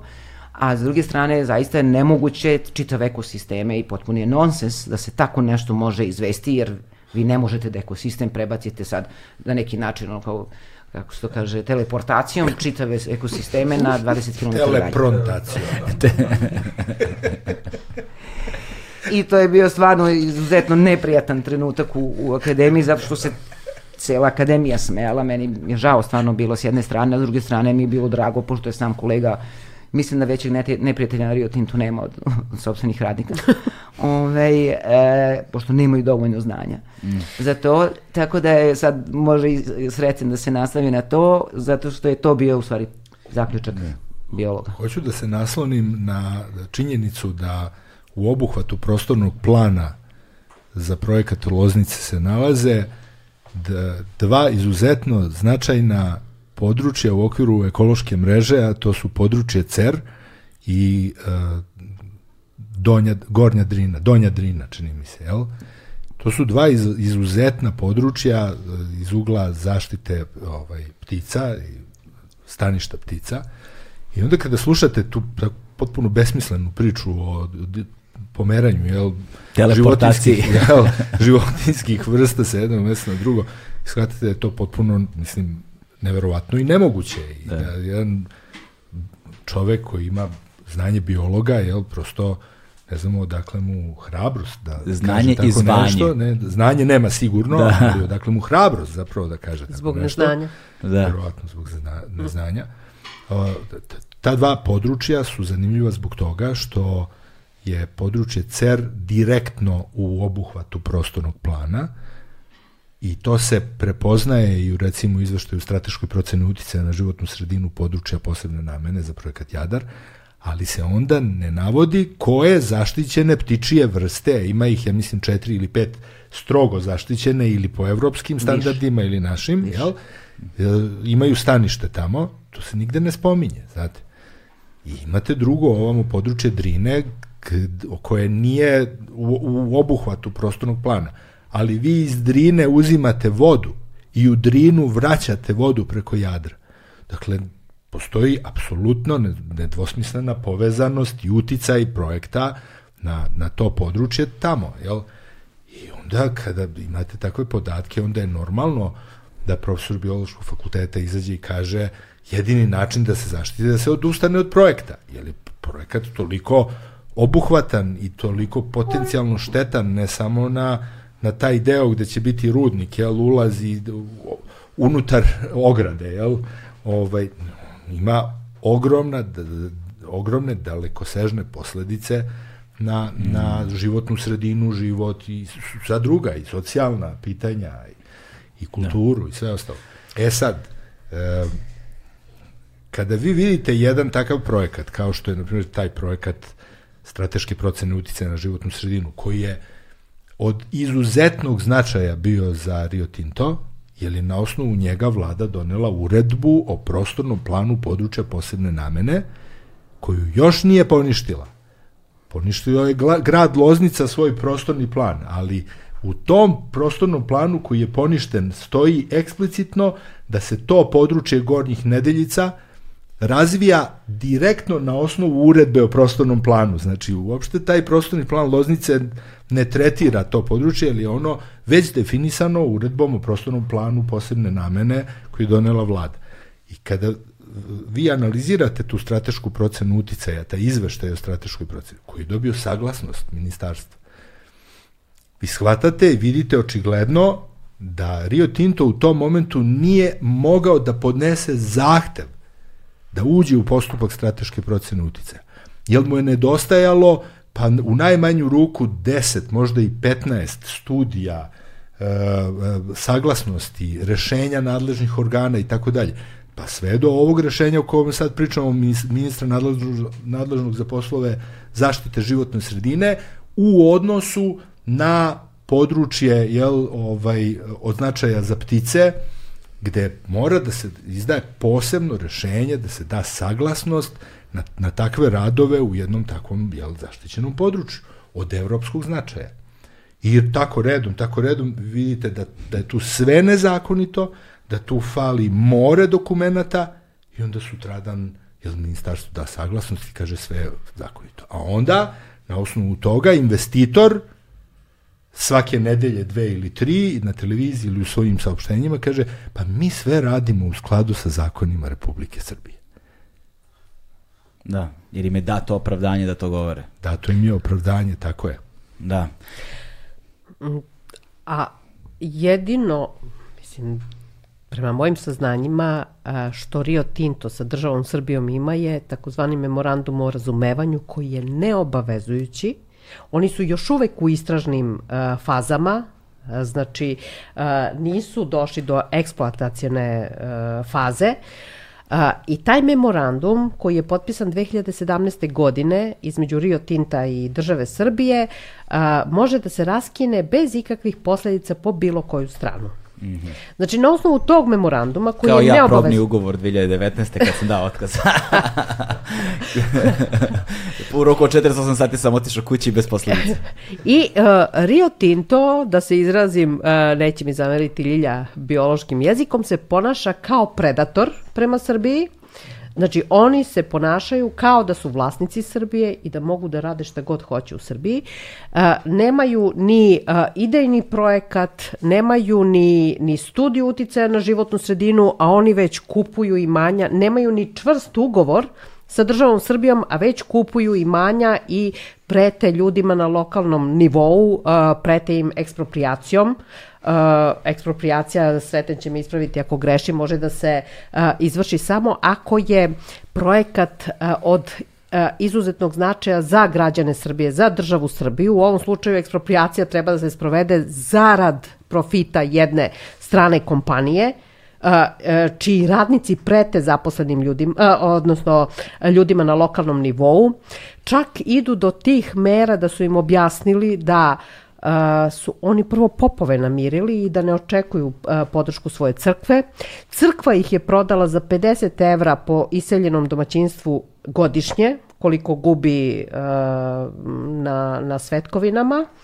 Uh, Čekaj, kakva je to informacija? Aj ponovo samo, mislim, malo mi je to... Mm. Pa to... Mislim, sve je bizarno zvučalo u, u, u posljednjih nekoliko rečenica. I jeste bizarno. Znači, uh, uh, crkva je zabranila uh, meštanima da se okupljaju u porti crkve. Mi smo odlazili kod njih povremeno. Oni su nas primali u crkvenoj porti, međutim od boravka Viole von, Kramon, uh, crkva je zabranila uh, okupljanje u crkvenoj porti, a zaposleni Rio Tinta su meštanima rekli uh, vi ste ostavljeni sami sebi, vi morate da se selite odatle, jer mi smo prvo popove namirili, oni, oni neće biti uz vas, i nemate nikog uz vas, mislim, jer postoji, um, manipuliše se i sa podacima o prodatom zemljištu. S jedne strane e, veći deo vlasnika zemljišta jeste prodao zemljište, ali ti, uh, ti vlasnici su bili vlasnici malih parcela. Oni mm. ljudi koji imaju velike parcele, 30, 50, 40 hektara, koji se bave uh, poljoprivredom, koji imaju velike farme, oni ne žele da prodaju svoje zemljište, jer to zemljište je jako plodno i jako vodno. Ovog leta Srbija je bila sušna, ne znam koliko meseci kiša nije pala, uh, zasadi su se sušili uh, širom cele Srbije. Jadar je bio zelen zato što je bogat podzemnim vodama koje su plitke i koje omogućavaju kulturama da, da, da se razvijaju. Domaći brend garderobe Legend Worldwide je prijatelj Agelast podcasta na audio platformama. Da, mislim, pominjali smo, pominjali smo malo pre baš uh, kad smo pravili kafu, ovaj, pominjali smo zajedno rekao kako, kako zapravo globalno tržište kafe ulazi polako u krizu, zato što kafa je jedan od ona četiri osnovne ele, pro, proizvoda koje ima svako domaćinstvo.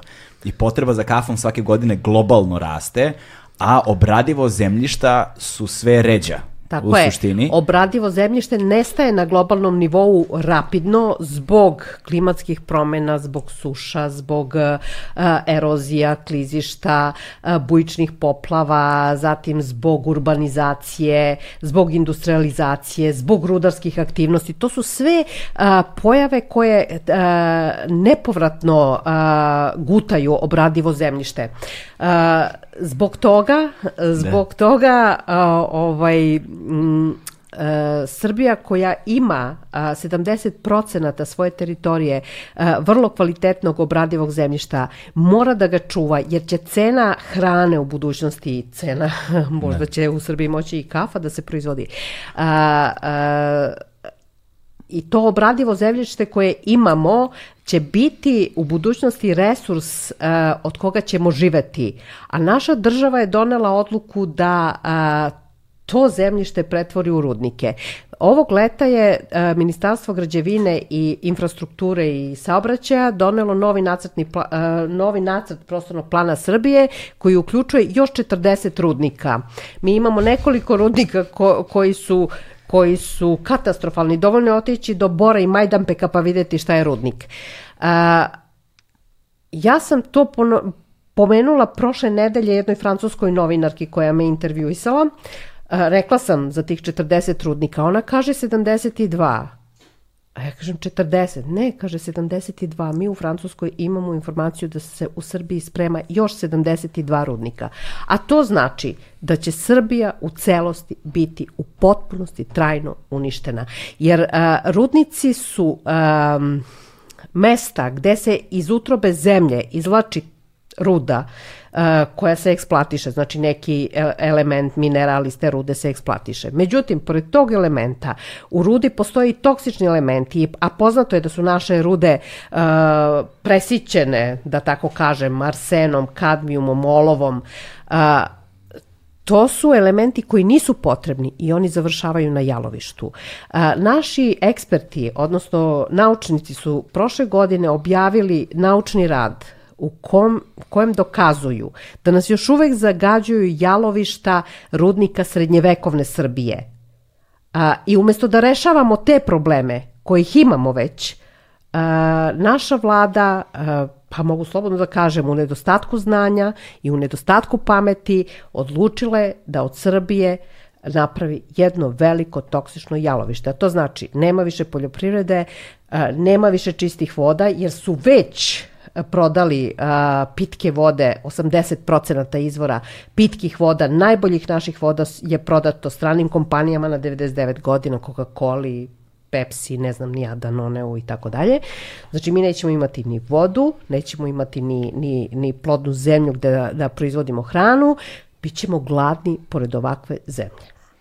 Možda su to uradili zato što im je zagađen vazduh popio pamet. Moguće. Mo, moguće. Mogu ja da se uključim? Može. Ja mislim da to nije ni zbog nedostatka pameti, ni zbog nedostatka znanja. Jel postoji dovoljno znanja i pameti u Srbiji koje je vrlo glasno Mislila sam na vladu. Da, dovoljno glasno saopštilo vladi i političarima generalno od toga koje su boje u zadnjih 15 godina, jasno saopštilo sve, jel, predstavilo sve štetne elemente jednog takvog poduhvata.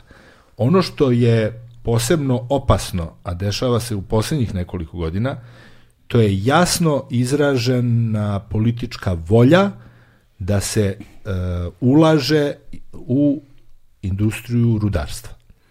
Dakle, imamo praktično to se mogu, može pogledati na televiziji, to, to se može videti unazad recimo deseta godina i na, na društvenim mrežama. Eksplicitne izjave ministara rudarstva, e, energetike, premijera ovih ili onih koji kažu da Republika Srbija ulazi u novu industrijsku fazu razvoja rudarstva.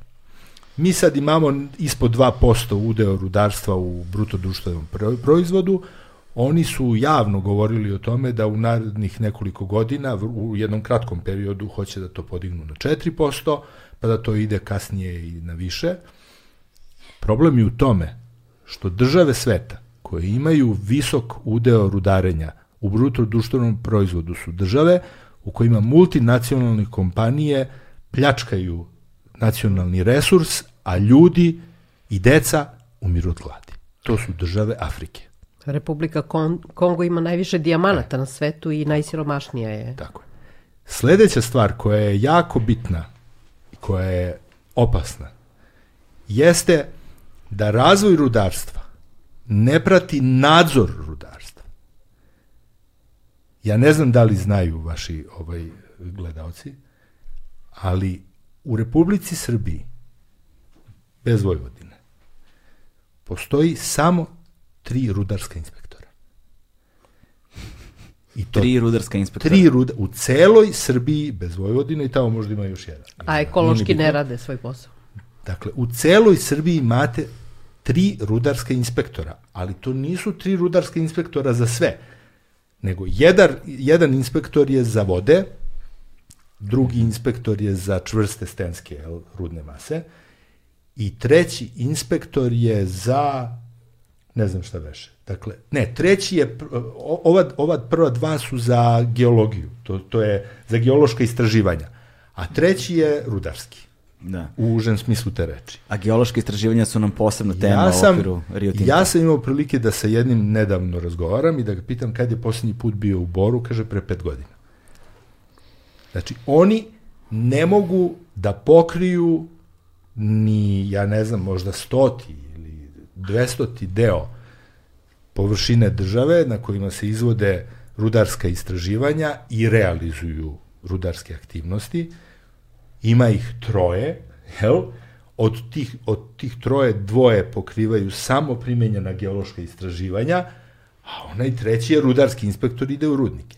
I sad vi meni recite, kakav autoritet ima rudarski inspektor kada uđe u Rio Tinto? Šta on može da traži od Rio Tinta? Kakav autoritet ima rudarski inspektor kad ode u Bor? Šta on sme, da, smeli da pogleda u oči prvo Kineze u Boru? Šta on od njih može da traži? Pa ne sme da traži ništa. Znate kako izgledaju njihovi rudarski zapisnici, jel, rudarskoj inspekciji? Pa, investitori ih vode gde oni hoće, daju im šta oni hoće i ovi na kraju napišu da je sve u redu. Jel? Ja sam video na desetine takvih izveštaja. Evo recimo na području Valjevskog basena gde se rade primenjena geološka istraživanja, mi imamo konkretne dokaze o tome da je došlo do zagađenja površinskih voda i podzemnih voda. Samo pri istraživanjima. Samo pri rudarskim mm. geološkim istraživanjima. Mm -hmm na uzorku od 49 bušotina koji su izbušene u zadnjih 6, 7, 80 godina. Dostavili smo te dokaze rudarskoj inspekciji, dostavili smo te dokaze ministarstvu, u zapisniku ne postoji ni slovo o tim činjenicama. Znate zašto? Zato što falsifikuju zapisnike. Zato što su praktično obavezni da ih falsifikuju da bi ispunili politički plan, jel, da se ne treba mešati u rudarske aktivnosti, da to treba pustiti, da to ide svojim tokom. Jer ako vam predsednik države, premijer i ko ministar jel, energetike i rudarstva kaže da je to strateški cilj ove države, šta vi u tome možete da uradite kao rudarski inspektor? Možete jedino da ne prihvatite taj posao, ako imate časti. A ako nemate, onda ga prihvatite i radite po tuđem diktatu. Tako to funkcioniše da ima dve, pa znate li koliko EPA ima svojih uh, uh, agencija zaštitu životne sredine Sjedinjenih američkih država? Ima preko dve i po hiljade, koliko se sećam. Dve, ne, dve i po hiljade svojih inspektora koji pokrivaju celu, jel, celu. Dve i po hiljade inspektora. Samo agencija za zaštitu životne sredine. To nije ministarstvo. To je agencija. Mi imamo jednog rudarskog inspektora za celu državu i dva geološka inspektora za celu državu. Preko 200, 200 primenjenih po, eksploatac, ovih e, polja gde se vrše primenjena geološka istraživanja trenutno postoji u centralnoj Srbiji. 200. Svako od tih polja ima oko 100 kvadratnih kilometara površinu. Koji će inspektor da dođe i da vidi? Pa zamislite u Valjevu recimo e, kompanija Eurolitium vrši bušenja, primjenjena geološka istraživanja od 2012. godine curi, plavi okolno zemljište jedna bušotina, bušotina broj 4. Zamislite kako je moguće da za 10 godina rudarski inspektor ni jedan jedini put nije otišao tamo. A curila je i 22, curila je i 12 i sad curi. I zamislite, rudarski geološki inspektor to ne zna i on ide samo na neke druge strane. Tamo gde ne cure.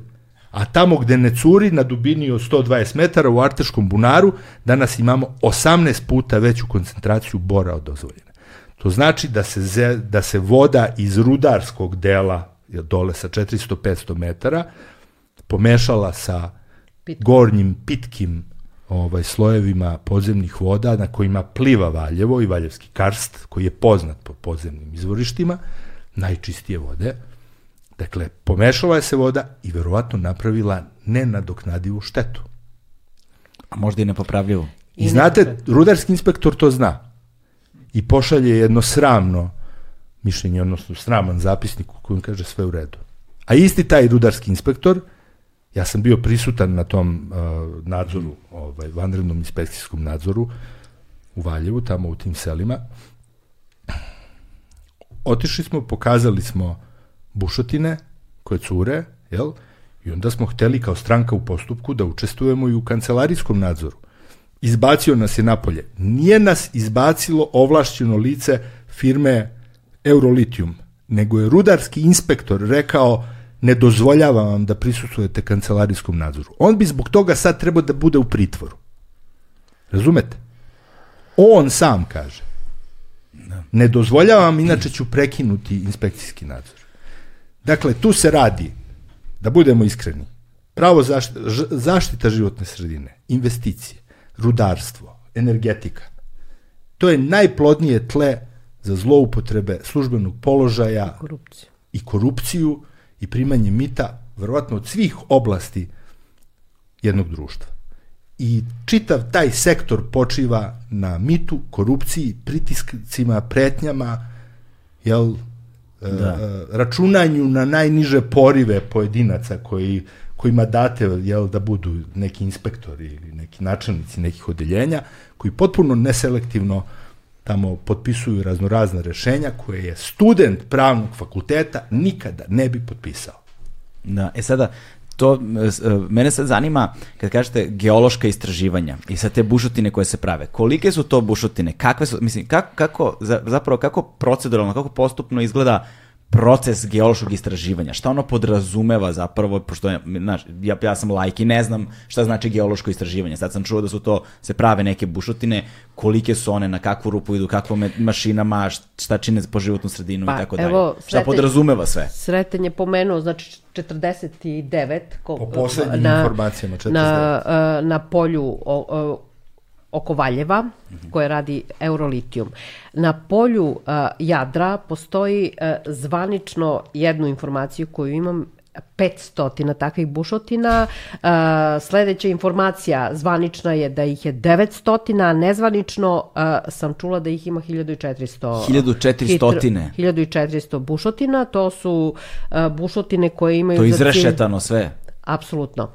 Uh, neke od njih cure, Znači, one bi trebale da su zaptivene, da nema nikakvog curenja, one služe za praćenje, ne znam, rudnog tela, podzemnih voda i tako dalje. Međutim, neke su im procurile.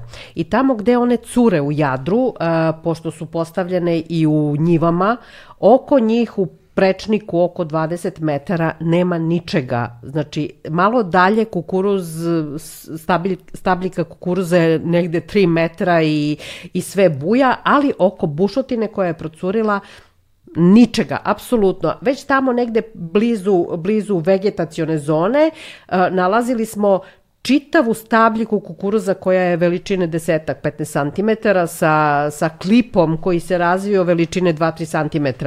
Znači, to, to je toliko uh, kontaminirano. Uh, za sad um, na površini, reklo bi se, lokalizovano oko tih bušotina. Međutim, mi smo uradili neke analize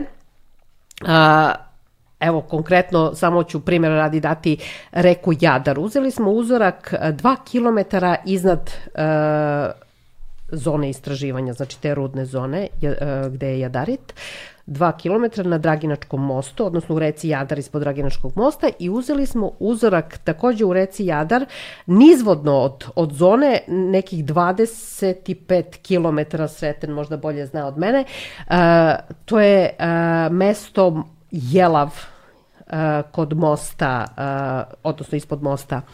I utvrdili smo da je uh, sadržaj bora, arsena i litijuma u Jelavu višestruko veći u odnosu na, na 2 km uzvodno.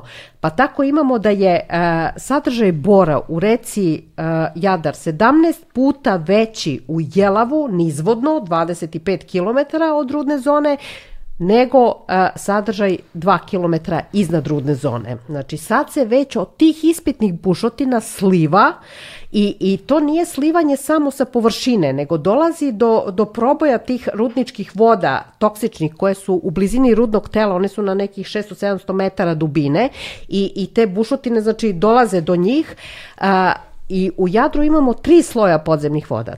Te rudničke na uh, dubini od E, rudnog tela. Zatim sledeće podzemne vode su slane e, vode koje su ostaci miocenog mora. One su sada presoljene vode, e, znači koncentrovan natrium hlorid u, u njima. One su na dubini negde oko 25 do 30 metara i blizu površine zemlje to su pitke vode. I sada kada vi bušite, dolazi do mešanja svih tih voda. A podzemne vode kada se zagade, to je posebno opasno zato što su one praktično stajaće vode. Njima treba mnogo vremena da se iščisti s jedne strane fizičko čišćenje. S druge strane kada se pojavi zagađujuća substanca u tim vodama, dolazi to takozvane ravnoteže između čvrste i tečne faze. Znači to što se nađe u vodi delimično se absorbuje na, na česticama sedimenta, gline mm -hmm. i zemlje i čak vi i da očistite tu vodu, da je ispumpate i da upumpate drugu. Ono što se nataložilo na glini, na česticama, na sedimentima će se ponovo vratiti u vodi. Opet će se uspostaviti ravnoteža i vama će trebati, ne znam, stotine ispumpavanja uh, tih podzemnih voda, a pitanje da li ćete uspeti sve da ih ispumpate i, i, i ko će to raditi. Tako da kada se zagade podzemne vode, a pogotovo pitke vode, To je veliki problem, takav problem ima Vojvodina upravo zbog uh, intenzivne eksploatacije nafte koja se radi u poslednjih 10 godina uh, i to uh, tehnologijom koja je zabranjena u svetu, takozvanim hidrauličkim frackingom, a to znači uduvavanje, uduvavanje pod visokim pritiskom suspenzije vode iz peska do, i peska do, do stene, naftonosne stene koja je na oko 2 km dubine. Uh, da bi se razbila ta stena, da bi se nafta oslobodila i znači uduvavanjem pod pritiskom tog materijala do stene dolazi do oslobađanja nafte koja se penje i dolazi do, do podzemnih pitkih voda. Zbog toga ste imali prošle godine ili ovog leta, ne mogu da se setim, eksploziju vodovoda. Da li ste vi čuli da je negde u svetu eksplodirao vodovod? Voda ne može da eksplodira. U Vojvodini se to desilo. Znači, kada dođe do zagađenja podzemnih voda, to je praktično problem, mislim, nerešiv. U, u Jadru nalaze, e, ovog leta su našli četiri zdrava srndaća da su uginula pijući tu vodu. Jer sad šta se dešava? Rio Tinto, odnosno Rio Sava je angažovala podizvođača koji će da navodno sanira a, to zemljište u plodnim njivama koje koje je kontaminirano sadržajem uh, iz toksičnih rudničkih voda. I šta radi ta, ta kompanija? To je neka građevinska kompanija. Ona pokupi to zemljište oko bušotine, odnese negde, niko ne zna gde odnese i kao donese čisto zemljište pa tu stavi. Bez obzira stavili čisto ili ne stavili voda, svakako a, nastavlja da, da, da nadire iz podzemlja, pa i to zemljište koje je čisto stavljeno će se vrlo brzo kontaminirati. I a, da bi oni čistu zemlju donosili tu, a, napravili su a, jednu iskopinu u blizini, To je ona bara koja je letos a, procetala, ako ste mhm. ispratili, koja je pocrvenela zbog pojave alge euglene, to će Ljilja bolje znati od mene. A, I mi smo sticajem okolnosti 15. jula bili u Jadru i uzeli uzorak vode iz te bare i utvrdili visok, visok sadržaj arsena, olova, što znači da su te rudničke podzemne vode i a, podzemnim kanalima dospele do bare. A, nakon 15 dana dešava se cvetanje te bare, pojava, pojava je uglene i Ljiljin profesor akademik Stevanović je uporno tvrdio da je to zbog nutrijenata, zbog azota, ali dve godine je bara postojala tu i nije cvetala iako je e, u okruženju plodno zemljište, iako Rio Sava godinama, odnosno sve vreme tvrdi kako je tu zemljište poslednje klase, kao, kako tu ničega nema, ništa ne raste, a sad odjednom da bi odbranili e, cvetanje bare kažu da je to zbog plodnog zemljišta i zbog nutrijenata. Pa kako sad, mislim, je li jeste plodno zemljište ili nije plodno zemljište? Da. I onda smo mi analizama utvrdili zaista da je a, između 15. jula i, i 31. jula došlo do a, a, povećanja azota u toj barskoj vodi pet puta, što jeste osnova za pojavu euglene, ali je došlo i do promene hemijskog sastava a, te vode.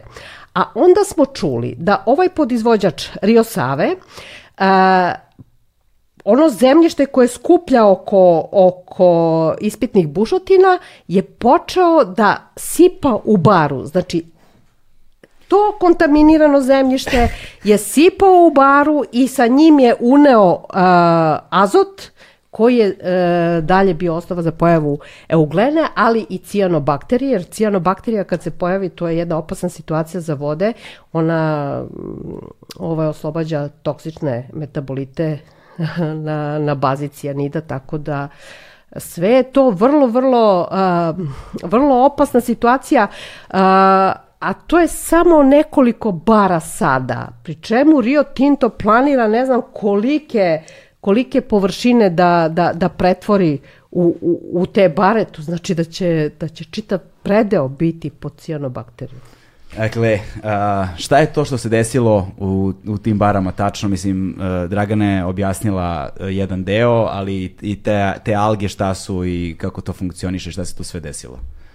Pa kada se poremeti hemizam u određenim, pogotovo vodnim ekosistemima, znači bare su u pitanju, to je relativno slabo, slabo pokretna voda, u odnosu na reke, dolazi do poremećaja i, da kažem, sastava i kvantitativnog i kvalitativnog živih organizama. I ukoliko se neka vrsta, bilo koja, poremeti, da kažem, njena, mhm. njena gustina, odnosno brojnost populacije, naravno dolazi do poremećaja čitavog ekosistema i neke druge vrste koje su se nalaze vezane u tom ekosistemu za funkcionisanje i brojnost određenih organizama, čitavog lanca ishrane dolazi do poremećaja svih mogućih delova tog ekosistema i onda dolazi ovaj, do, ajde da kažem, prenamnožavanja određenih mikroorganizama, bilo da su u pitanju to algi ili cijanobakterije, uh, uh, bakterije, uh, drugi mikroorganizmi i e, dolazi do otpuštanja toksičnih e, produkata metabolizma određenih organizama. To se dešava i u, prirodnim ekosistemima ukoliko se poremeti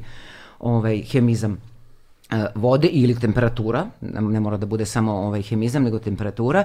I dolazi, kažem, do otpuštanja određenih uh, toksičnih materija ovaj, uh, u takvim ekosistemima. Naravno, onda se radaju neki drugi organizmi koji uh, bi su pre toga regulisali brojnost tih organizama i to je u stvari, ajde da kažem, reka bez povratka, odnosno to je čitav uh, poreme, poremećaj irreverzibilnih ovaj, procesa. Tako da se to na neki način samim tim mora intervenisati, to smo viđali više puta u, u drugim ekosistemima, intervenisati na neke načine da bi se ponovo vratila ta ravnoteža, uh, da kažem, brojnosti određenih uh, mikroorganizama koji regulišu u određenom neki harmoničnom obimu. E, čitav e, ekosistem. E sada, kada je u pitanju e, organska proizvodnja, u tim ekosistema je jedan problem. I ono, postoje neke ti regulatorni mehanizmi u ekosistemi koji mogu da opet amortizuju određene promene do određene mere. Međutim, kada se poremeti i prisustvom nekih neorganskih materija, onda to je zaista mnogo, mnogo teže da se vrati u prvobitno stanje. I jedan od problema je što, e, što su e, organizmi na višem lancu, e, odnosno na višim stupnjevima lanaca ishrane, kod njih se dolazi do takozvane makroakumulacije, odnosno akumulacije svih mogućih procesa koji su ispod njih i zagađujućih materija i na njih e, po pravilu mnogo više utiču e, te toksične materije u samom ekosistemu, dolazi do uginjavanja organizama i u rečnim e, ekosistemima, pa, a pogotovo u barskim, na primjer tu su najviše ugrožene ribe, žabe, odnosno vodozemci, mizavci, da ne govorim i sisari i tako dalje, pa i ptice koje se hrane naravno ovaj, u lancu ishrane odlete da duše na neka druga mesta, ali vi praktički imate i širenje tog uticaja iz jedne bare možete preko uh -huh. e, različitih organizama pogotovo ptice, da, da prenesete znači, uticaj tih toksičnih materija na e, mnogo veće udaljenosti nego što je sama ta bara. Hmm. I plus su te bare naravno povezane e, podzemnim vodama sa e, ovaj, da kažem, drugim e, sistemima i sa drugim barama i, i, i rečnim tokovima, tako da je uticaj enorman i on se širi e, u koncentričnim krugovima i, i praktički nepredvidljivo i ne znate gde će se to zagađenje preneti preko tih podzemnih voda i međusobne povezanosti, da možete imati to zagađenje na 20, 30, 50 km u roku od nekoliko možda dana, čas, čak i preko nedelja. Uh -huh. I vama se pojavi zagađenje tamo gde na, ne, na površini vi ne vidite to zagađenje, odnosno ne vidite direktan -huh. uticaj. Da. I to je onda znači na, na ekosistemskom nivou daleko višestruko uh, umnožen, uh, umnožena, da kažem, štetnost takvih zagađujućih materija kada su u pitanju ovaj, dakle, to što je, bor, litijum i natrium i tako dalje. Dakle, to što je procetala bara uopšte nije dobar znak. Apsolutno. To uopšte Absolutno. nije dobar znak. To možda, ako, možda lepo izgleda, ali nije dobar znak. A sad ja bih tu da dodam, uh, znači, procvetala bara i uh, više struko povećanje sadržaja bora, litijuma i arsena u Jadru 25 km ispod uh, rudne zone, a sigurno je to skroz do Drine takva situacija, uh, je samo uh, u fazi istraživanja koja treba da bude bezbedna. Zamislite vi sada uh, na to uh, otvoriti rudnik prečnika možda i desetak metara iz kojeg će prokuljati te toksične podzemne vode i te slane vode, slana voda takođe ne pogoduje uh, zelenom pokrivaču. Uh, pa zamislite uh, jalovište koje će biti opterećeno enormnim količinama sulfata, jer će se tu dnevno koristiti de, uh, hiljadu tona koncentrovane sumporne kiseline za razaranje rude. Pa zamislite, znači Prostite na izrazu ih je. Tako je. Zamislite znači jalovište sa, sa sulfatima, sa borom, jer mi tehn, e, hemičari, tehnolozi znamo da ni jedan hemijski proces ne ide 100% do kraja. Oni će ekstrahovati bor i litijum iz rude, međutim uvek će ostati neki procenat. Mi još uvek ne znamo koji je taj procenat.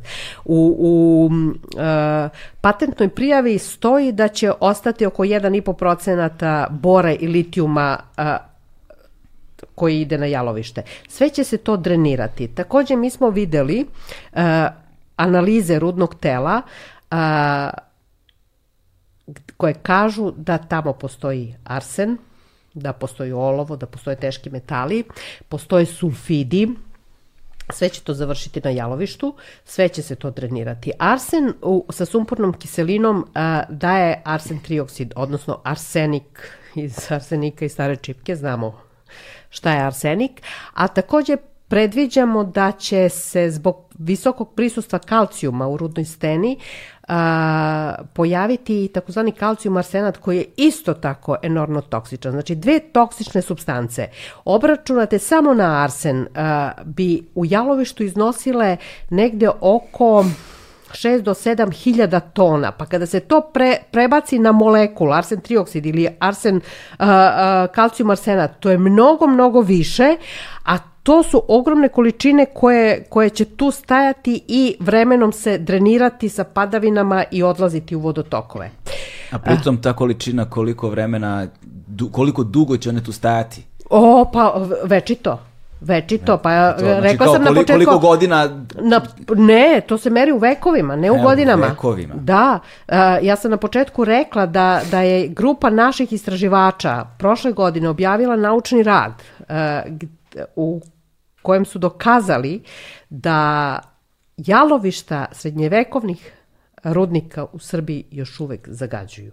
A i sama sam imala... A to su srednjevekovni rudnici. Tako je. Bez savremene tako, tehnologije tako. izvlačenja. Pa, nema veze, nema veze tehnologija izvlačenja sa, uh, sa jalovištem. Ba ne, ne govorim znači, o tome, nego kao govorim da današnja tehnologija može mnogo više za kraće je, vreme. Tako je, to tako je, tako je. Tako, tako da to jalovište tako će je, biti je. mnogo veće tako nego je, to srednjevekovno. Tako je, o, ja pričam samo o jalovištu koje će nastati, koje nadam se da neće, uh, koje je predviđeno iz uh, rude jadarit. Međutim, nezvanično možemo naslutiti da će postrojenje za preradu litijuma biti jedno u Srbiji, a planira se 10 rudnika, a možda čak i više rudnika litijuma počev od Loznice preko Valjeva, Jagodine, oko Čačka, tamo Pranjani, Požege. Požege, uh, skroz dole do Vranja, a pretpostavka je da, će, da bi se te sve rude dovlačile u Jadar,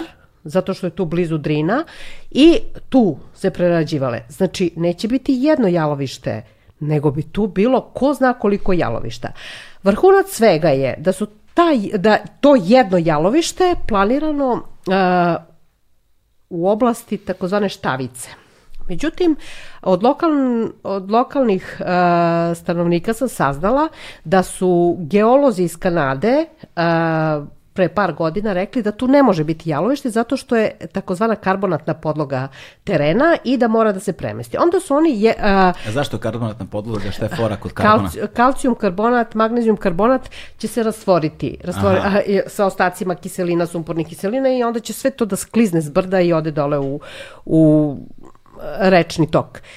A, onda su oni prebacili jalovište između dve reke, Jadar i Korenita, koje su plavne, koje nekoliko puta godišnje a, izazivaju velik, mislim, u kojima su a, Poplave, mislim, poplave i, i čak, čak su podložne bujičnim poplavama.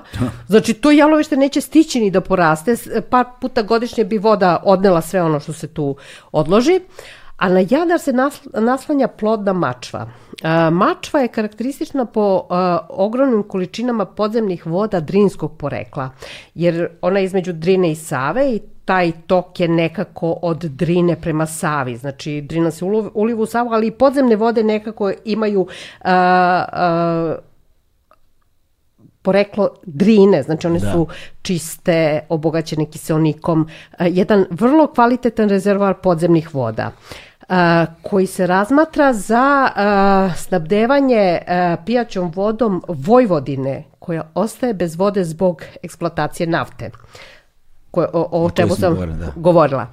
A, znači, ovakav jedan rudnik preti da zagadi ne samo površinske vode, nego kompletno sve te podzemne vode, uključujući Drinu, Savu, znači i podzemni površinske vode, a na potezu od Loznice do Beograda preko 2,5 miliona ljudi se snabdeva pijaćom vodom iz tih rečnih sistema i tih podzemnih voda. Znači, Beograd će osetiti i tekako negativne posljedice sa ovakvim rudnikom.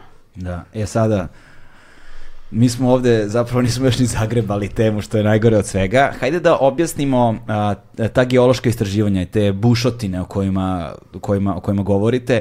Zapravo te bušotine koje su napravile ovu silnu štetu o kojoj govorimo sa tim barama i, i ta, izlivanja, a, hajde samo od bliže ljudima da odredimo kolike su to bušotine. Zato što mislim Pa- da ljudi nemaju sliku, predstavu o tome. Pa prečnik, prečnik bušotine, znači prečnik te cevi je 10 do 15 Znači, cm. to je svega 10-15 Tako je. Tako je. ši, Tako je. o, prečnika Jeste. napravi tu štetu Jeste. taj prečnik. Tako je. Koliko Tako je. duboko idu te bušotine? Pa ja mislim da idu do rudne stene dole. Znači to je neki koliko, 300 Da. metara? Ne? Tako, možda i više. i više, I više, više. više. I U više. Valjevskom kraju Da. to je od 300, 350 do 600 metara. Do Tako 600 je. metara idu te Tako je, geološke. tako je, do, do rudne stene, a rudna stena u, u Lozničkom kraju, odnosno u, u Jadu je na oko 700 metara dubine. I oko rudne stene... je- 700 metara. Do... Da. Znači oni kada bi pravili rudnik, rudnik je išao do 700 Tako je. metara. Tako je. Mislim, Tako je. Uh, ja, Tu bože, počinje eksploatacija. tu počinje Pri eksploatacija. čemu, pri čemu e, znači, e, do rudne stene je obilje podzemnih voda, tri ta svoja, znači pitke gore, pa onda te slane iz miocenog e, doba i rudničke vode koja je takođe izdašna. U njihovom dokumentu o rudnim rezervama stoji, stoje neke analize tih rudničkih voda, pa kaže da na nekim mestima sadržaj arsena, naravno maltene svi, svi toksični elementi su tu nađeni, ali sadržaj ele, arsena ide i do 6900 mikrograma po metru, po, po litri, a, a voda u prirodi, dobra voda u prirodi ne sme da ima više od 5 mikrograma po litri. I zamislite sad kada ta količina, odnosno ta količina arsena sa rudničkom vodom izađe napolje, to je kompletna kontaminacija terena. Još jedna stvar, uh, sad za vreme pauze, Sretene, vi ste pominjali uh, da te test bušotine zapravo koje su prečnika 10 do 15 cm, izlivaju 300 litara u minuti ili tako nešto.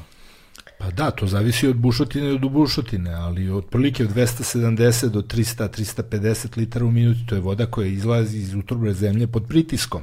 Da. To je zapravo renibunarska voda, ona izlazi pod pritiskom i ona tako pod pritiskom ne samo što ide u vis, nego ona ide u zavisnosti od geološke građe tog područja, zemljišta dole, ona ide i levo i desno. Sad, zašto je to sad bitno? Bitno je zbog toga što se postavlja pitanje kako na adekvatan način zatvoriti te bušotine. Po standardima one se zatvaraju odmah nakon završetka bušenja koje traje otprilike 9 dana mm u jednoj bušotini, bar u Valjevskom ioničkom basenu. Jel? Nakon toga je neophodno odmah zatvoriti te bušotine i, i to ne običnim betonom, nego materijalom koji se zove betonit. U dokumentaciji do koje sam ja došao, vezano za kompaniju Eurolitium Balkan koja radi u Valjevu, oni to rade običnim betonom. Običan beton nije kadar da zatvori e, te rupe i zbog toga se dešava sledeća činje, situacija. Da one bušotine koje na površini nisu procurile, procureće kontaminiraju vodu u Niže. dubljim slojevima zemlje. Mm. Pa imamo dokaz da je znači analiza iz maja 2021. godine jednog arteškog bunara na dubini od 120 metara je bila dva i po puta veća koncentracija bora. Pre 15 dana 18 puta veća koncentracija bora. Nadiru. Znači da se te vode iz nadiru. dubine nadiru i mešaju sa pijaćom vodom, odnosno vodom koja je a, služi upotrebi i, i kao pitka voda i za navodnjavanje, što je u suštini još važnije, na površini imate i površinske bunare koji služe za kao, kao ovaj, izvor pitke vode. Ono što je problem jeste da takva koncentracija bora je toksična za bilo koju biljnu vrstu, a to što stoji u, nal, u nalazu Poljoprivrednog fakulteta u Beogradu, koji je potpisao dvoje profesora tog univerziteta, fakulteta. Ili ima nešto dobro da oni rade tamo, čoveče, mislim, ovo je potpuno, ne. ovo je, ovo je sve, ne, nema, znaš, nema. Na, sad, ja sve, sve vreme dok pričam o ovim stvarima, dok dobijem ove informacije, to je ono što smo govorili u pripremnim razgovorima, dakle, ljudi znaju, imaju neko kolokvijalno znanje o ovim stvarima, ali pra, pune razmere ovog problema se zaista teško sagledavaju. Teško se domaštavaju uopšte. I sve vreme dok, ja, dok saznajem ove informacije od vas, sve vreme ja samo imam na svesti ali kome može da padne na pamet da radi ovakve stvari? Kako, čoveče, pa ti isti ljudi žive ovde. Mislim, meni van pameti mi je A možda to. će se iseliti. Pa da, ali, ali, ali to je sad, ali problem životne sredine nije problem države. Njih nije briga, izgleda. Znaš, kako je moguće da nekoga nije briga? Znaš, pa to nije mali broj ljudi u jednom sistemu koji to radi, to, to, to, to je ogroman broj ljudi. Neki ne znaju, neki nisu svesni šta rade, što bi ono se rekao postim broj. Srete malo pre si uh, rekao dok smo razgovarali, poseban problem je uh, u stvari relokacija stanovništva, što je uh, u dokumentima uh, ovaj, Rio Tinta da su dobili maltene carte blanche za, za tako nešto da urade relokaciju stanovništva. Jer oni su svesni, zašto bi radili relokaciju stanovništva ako nisu svesni da postoje potencijalni negativni uticaj, tako? Dakle, to jasno govori o tome da su oni potpunosti svesni posledica onoga što rade. Apsolutno. To je a, simptom. A, rudnik kao rudnik za životnu sredinu je poguban i to, to mogu najlakše da uporedim sa živim ranama na koži koje nikada ne zarastu. Znači kada se rudnik otvori, to, to je e, problem maltene za vijek i vjekova. Uh, Rudnici litijuma su posebno pogubni po životnu sredinu, zato što, što se koriste ogromne količine opasnih hemikalija, s jedne strane za ekstrakciju litijuma, a s druge strane ogromne količine vode za ispiranje tih taloga, jer oni imaju složen tehnološki proces, hemijsko-tehnološki proces gde oni rastvaraju litijum, bor, pa ga onda talože, pa ga opet rastvaraju, pa prečišćavaju, a za sve to im je potrebna ogromna količina vode. Znači, bit će ogromnih količina količina uh, otpadnih voda. Gde će one završiti? Nego u Jadar. Oni su govorili uh, da, da, da imaju novu tehnologiju, uh, da je to jedinstvena tehnologija jer je u pitanju jedinstveni uh, mineral. Uh, ja sam... Šta to znači? Mislim, to ne znači ništa. Pa ništa, apsolutno. ništa ne Mislim, znači. jedina razlika u njihovoj tehnologiji u odnosu na tehnologije koje se spominju u literaturi, u naučnoj literaturi, u tome što će oni spustiti temperaturu, umesto na 250 radit će na 100 stepeni i umesto uh, fluorovodonične kiseline koristit će samo koncentrovanu sumpurnu kiselinu, zato što je jadarit uh, kao mineral mekan, odnosno pogodan je da se na nižoj temperaturi ra rastvori. Ali to ništa ne znači. Sumpurna koncentrovana kiselina je pušljiva kiselina na a, sobnoj temperaturi, na ambijentalnoj temperaturi. Tako da, da li radi na 250 ili na 100, to nikakvog značaja nema za životnu sredinu. To je s jedne strane. S druge strane, e, ovakvi rudnici se otvaraju u svetu u pustinjama. Pustinja Nevada, Kalifornija, pustinja Gobi, pustinje zapadne Australije. Uh, u martu mesecu bila sam član delegacije uh, meštana koji, koji su bili na sastanku kod uh, premijerke Ane Brnabić. Ja sam pokušala da joj iznesem ove probleme o kojima danas pričamo. Ona je rekla, dajte, molim vas, s druge strane Rio Tinto meni iznosi uh, divne iskustva iz Australije. A ta divna iskustva su takva, da su prvo razorili pećine aboriđina. Da, to sam video, ono staništa 40.000 godina stara. Apsolutno. A onda, izvinili su se, kao eto, zbog neiskustva su oni to tako To je bilo prošle godine. Prošle tako. godine, da. Izjavili da se uče na greškama. Uče se na greškama. A, znači, prvo su to u Australiji uradili, a onda vade a, rudu, Znači Rio Tinto je rudarska kompanija, oni nisu tehnolozi, oni ne znaju e, tehnologiju. Mi smo posle a, e, pretraživali njihova iskustva u eksploataciji litijuma u svetu. Oni nemaju ta iskustva. Znači oni eksploatišu rudu iz Australije i šalju u Kinu na preradu. U Kini se radi složena tehnologija, ne u Australiji. Zato je u Australiji divno iskustvo što se tiče životne sredine i ako je u pitanju pustinja. A oni stran... bi obrađivali rudu ovde. A, da, da, da, da, da. A ovde bi se da. i obrađivalo. Da, da, da, da, da. da. Znači, uh, uh, u Nevadi je ovog leta zaustavljeno otvaranje rudnika litijuma, zato što je procenjeno da bi štetno uh, uticao na dve zaštićene vrste, žalfiju i tetrebe. Znači, to su dve. Uh, neće mi Ljilja zameriti ako kažem da je u Jadru 145 zaštićenih vrsta, da je to živ predeo, Od Ljilje sam čula da je to jedinstveni predeo sa, sa idealnom harmonijom suživota čoveka i prirode, da su to sela sa puno dece, da, da se u tim selima ljudi doseljavaju za razliku od drugih uh, delova Srbije iz čih sela se iseljavaju. Znači jedno plodno tle za, za, za kvalitetan život i 19.000 ljudi oko rudnika živi, znači oni će uh, dosta njih relocirati, odnosno nadam se da neće, uh, onda uh, nude uh, zaposlenje za platu od 1200 dolara, a videla sam uh, konkurse za zaposlenje međunarodnog karaktera, znači oni će dovoditi eksperte sa strane, vrlo malo će zaposliti iz, lokalnog, iz lokalne zajednice uh, za platu od 1200 dolara, a čovek pčelar koji samo pčele gaji uh, i prodaje med na veliko, a to znači duplo niža cena od, od uh, ove tržišne, a, zaradi preko 2500 evra mesečno. I sad njemu Rio Tinto objašnjava da će ga staviti u zemlju za 1200 uh, dolara mesečno i uništiti mu uh, prostor gde je on do tada gajio pčele i, mislim, ne njemu figurativno kažem, da, da. Uh, gde je tu računica za nekih 4-5% rudne rente koju će Srbija dobiti i dobiti enormne probleme koji nikada više ne mogu da se reše. Hajde pre nego što nastavimo, sada se bavimo Rio Tintom, jer me sad zanima i taj zakon o ekspropriaciji o kojem smo govorili i geneza celog tog problema, to je od 2009. godine otprilike ili tako nešto pa na ovamo, i tih pravnih odnosa koji su takođe problematični, tih geologa iz Kanade i sve to, sve to što, što, ćemo, što, što ćemo pomenemo, sad, sad da se prebacimo samo na Ljilju, da nam oslikaš oslikate malo bolje taj ta, tu dolinu Jadra u kontekstu baš tih i zaštićenih vrsta i života tamo, suživota, ekosistema, šta je to što imamo i što, čemu preti uništenje u suštini zbog Rio Tinta?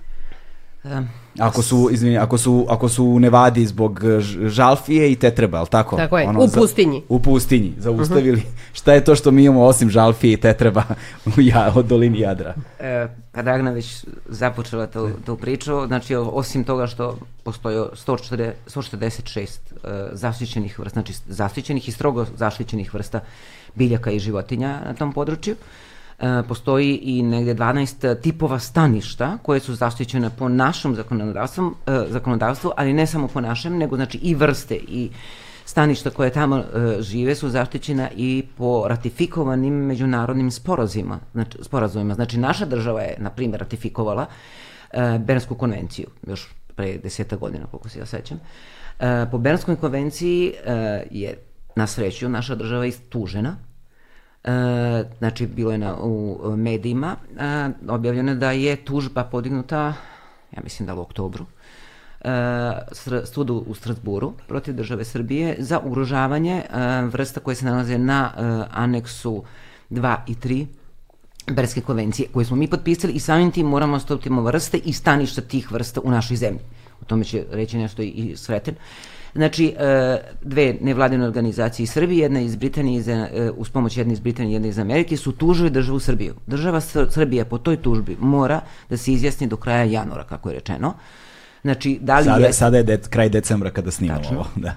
I e, ukoliko ta tužba bude prihvaćena, odnosno bude doneto rešenje o tome da država Srbija jeste prekršila odredbe, znači o e, zaštiti tih vrsta i njihovih staništa, država Srbija će morati da plati penale. Znači, financijski će morati da trpi upravo zbog toga što je sama svojim nedelovanjem ili delovanjem dovela do toga da se ugrožavaju znači vrste koje se nalaze na listi tih e, e, te Berske konvencije. Znači mi smo sami sebe doveli u situaciju da plaćamo penale ili da ćemo plaćati penale, i to je samo jedan od slučajeva e, plaćanja penala za to što smo sami potpisali i obavezali se da poštujemo međunarodne sporazume. Znači nije to samo Berska konvencija, ima tu i Bonska deklaracija, Benska konvencija kao pristupni članovi mora poštojemo e, direktivu o staništima, direktivu o pticama i tako da, znači to je nekoliko izuzetno značajnih ovaj, e, i, ajde kažem, važnih međunarodnih sporazuma koje mi moramo da, da podnosimo. Da ne govorim da kršimo sobstvene zakone o zaštićenim i strogo zaštićenim vrstama, koje sad više, ajde kažem, niko i ne pominje, ali e, problem je u tome što institucije ove države koje su zadužene za to, da znači upravo sprovode da kažem poštovanje zakona počevo zakon, e, Zavod za zaštitu prirode Srbije, Agencija za zaštitu životne sredine, pa onda Ministarstvo za zaštitu e, eko, ovaj, životne sredine, znači, apsolutno se ne oglašavaju. To je njihov posao. Mi, njih kao porezke obveznici ove države plaćamo da to rade. Kada ste poslednji put videli ministarku zaštite životne sredine da je bilo šta po tom pitanju rekla, bilo šta. Znači, ona je plaćena da vodi računa o prirodi. Znači, tu nema govora više o čemu da pričam a vi nju ne vidite ne samo u javnosti, znači u direktno svojim nečinjenjem ugrožava znači posao koji ona treba da radi.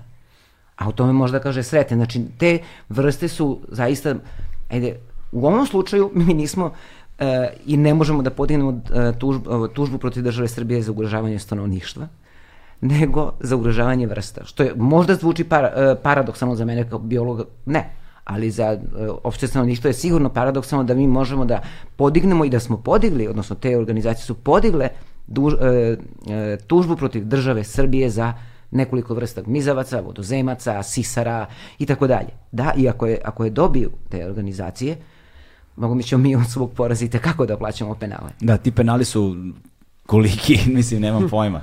Pa ne znam ja koliki su penali, to, to je regulisano međunarodnim uh, bilateralnim ugovorima ili tim multilateralnim, ali nije bitno. Bitno je da li e, država shvata štetu koju pravi i nanosi samoj sebi, odnosno da li se državi isplati da plaća te penale iz budžeta, jer to ne vade iz svog džepa, nego iz našeg džepa, a paralelno s tim nastavlja da uništava prirodu. Mi smo prošle godine imali situaciju u Nemačkoj da je Nemački sud blokirao izgradnju fabrike automobila Tesla. To je obustavljena investicija zbog zaštite evropskog smuka koji živi na tom području. Razumete? Dakle, normalne države, ne govorim o uređenim, govorim o normalnim državama koje vode i ole normalni ljudi. Razmišljaju o dobrobiti svog naroda, svoje prirode, svojih izvora, jel, Da. Svoje vode, zemljišta, vazduha. Dobar je primjer ovih šest hektara Tako u je. Švajcarskoj. Tako je. Dve milijarde Tako je. A švajcarskih mi franaka. ovde dolazimo u situaciju da već mesecima ili već godinu dana i više govorimo o očiglednim stvarima, očiglednim stvarima, koje potencijalno treba da ne nanesu jedan, jednu kataklizmičnu štetu Srbiji. E, U Loznici imamo planove za izgradnju podzemnog. U Valjevu imamo planove za izgradnju površinskog kopa i podzemnog rudnika. U Valjevu po kartama Eurolitijuma Balkan iz uh, izveštaja iz novembra 2020. godine, koji su krili, pa smo preko Kanade uspeli da dobijemo tu dokumentaciju, radi se o drugom updateu elaborat, uh, elaborata o rezervama i resursima, površina rudnika je 30 kvadratnih kilometara površinskog i 30 plus, i plus podzemni.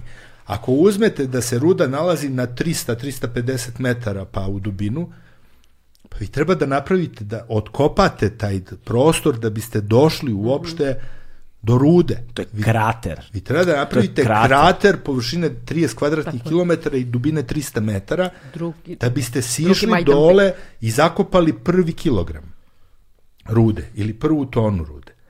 Gde ćete tu otkrivku? U planovima stoji dislokacija Kolubare reke i ostalih reka. Izmeštanje stanovništva, svih pa, privrednih subjekata i tako dalje. Vi praktično potpuno menjate doskorašnji način života ljudi na tom području sa potpuno ne, nemogućim i nepredvidivim posledicama. Drugi veliki problem. Nemojmo da zaboravimo, sad govorimo o Loznici, da se na istražno područje Rio Tinta naslanja novo istražno područje kompanije Volt. Područje Banje Badanje, znači sad govorimo od Loznice do Šapca. Područje Banje Badanje, 100 kvadratnih kilometara okolo, Petlovača, 100 kvadratnih kilometara i još jedno područje ovamo iza Ljiga, još 100 kvadratnih kilometara. Zašto to kažem? Pa pogledajte primer Bora. Pa oni se ne zadovoljavaju jednim oknom. Kad završe, idu na sledeće. Dakle, plan je očigledno da se rade primjenjena geološka istraživanja područja koje se naslanja na to. Jer vi ćete sutra onda kada iscrpite ove rezerve koje se nalaze u nedeljicama, idete dalje. Pa dalje. I otvarate nove kopove, kao čukaru peki. Stalno otvarate, otvarate, otvarate. Valjevo, po mom uverenju i na osnovu dokaza koji imam, je najugroženija tačka na svetu pored gornjih nedeljica. Zato što nigde na drugom prostoru na, u Srbiji vi nemate 50 bušotina koje su izbušene u zadnjih nekoliko godina. Zašto je Valjevo opasno? Zato što prema podacima i indicijama do kojih dolazimo, pa iz medija i iz nekih drugih dokumenta, vi vidite da se Valjevo povezuje sa Loznicom. Ovaj autoput što prave. Vi sad Tako je, imate povezuju autoput, rudnike. vi imate autoput od uh, Miloša Velikog u Lajkovcu do Valjeva, a onda već od Valjeva do Loznice. Pa onda imate novu trasu gasovoda do Valjeva, pa od Valjeva do Loznice. Šta će njima? A Loznica ima, a Lo, Loznica već ima svoj gasovod ko- čija je trasa od Šapca i završava se u Zvorniku. Vi imate novu trasu visokonaponske mreže od sela Jesenice gde je postrojenje u Valjevu do Loznice. Vi povezujete linijskom infrastrukturom Valjevo i Loznicu. I to sve Srbija plaća. Tako je. I novu železničku prugu od Valjeva do Loznice. Pa vama treba koridor preko kog ćete dopremiti hiljadu tona koncentrovane suporne kiseline na dan. I do Loznice. I ostale rude. I ostale rude i transport. Znate, Zato to je- se prave ti To je putevi sad jedan og- ogroman transportni poduhvat za sve to. Zato je opasno to što se dešava. Nije loznica, samo loznica cilj. Ona je sad u žiži interesovanja. Zato što je prva, zato što se tu 72 odmaklo najduže. Valjevo je u prednosti 10 godina u odnosu na loznicu. Oni su pre deseta godina imali 50 bušotina, sad imaju 1000 ili 500, zvanično 550, nije ni bitno. U tome je prednost nas koji se sad borimo da to sprečimo.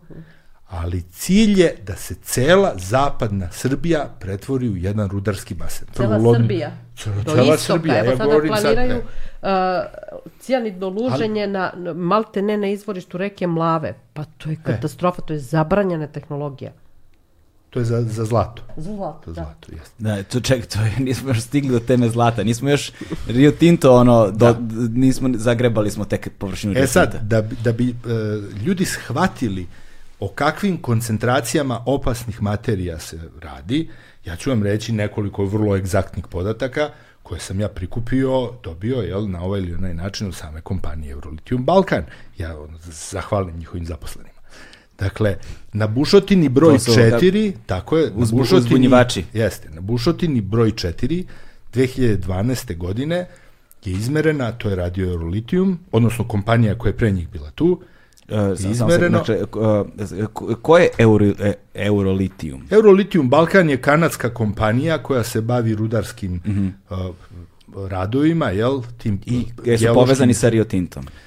Uh, formalno recimo ne, ali neformalno se čini da su jako dobro povezani, jer recimo pred nekoliko meseci je pet ili šest inženjera iz uh, Rio Tinta prešlo u Eurolitium, ne znam što bi oni tamo odlazili jel, iz tako velike i renomirane kompanije u jednu malu kanadsku kompaniju jel, u Valjevo, osim ako ne postoji jel, razmena iskustava, znanja i tako dalje. Ali nema Onda vrlo bitno, vrlo bitno, e, e, čovek koji je pronašao, radeći kao šef istraživanja, pronašao jadarit početkom 2000-ih, e, radeći za Rio Tinto, je do pre nekoliko godina bio šef istraživanja u Eurolitium Balkan, koji se samo zvao dru, drugim imenom, potpuno nebitno ista je kompanija.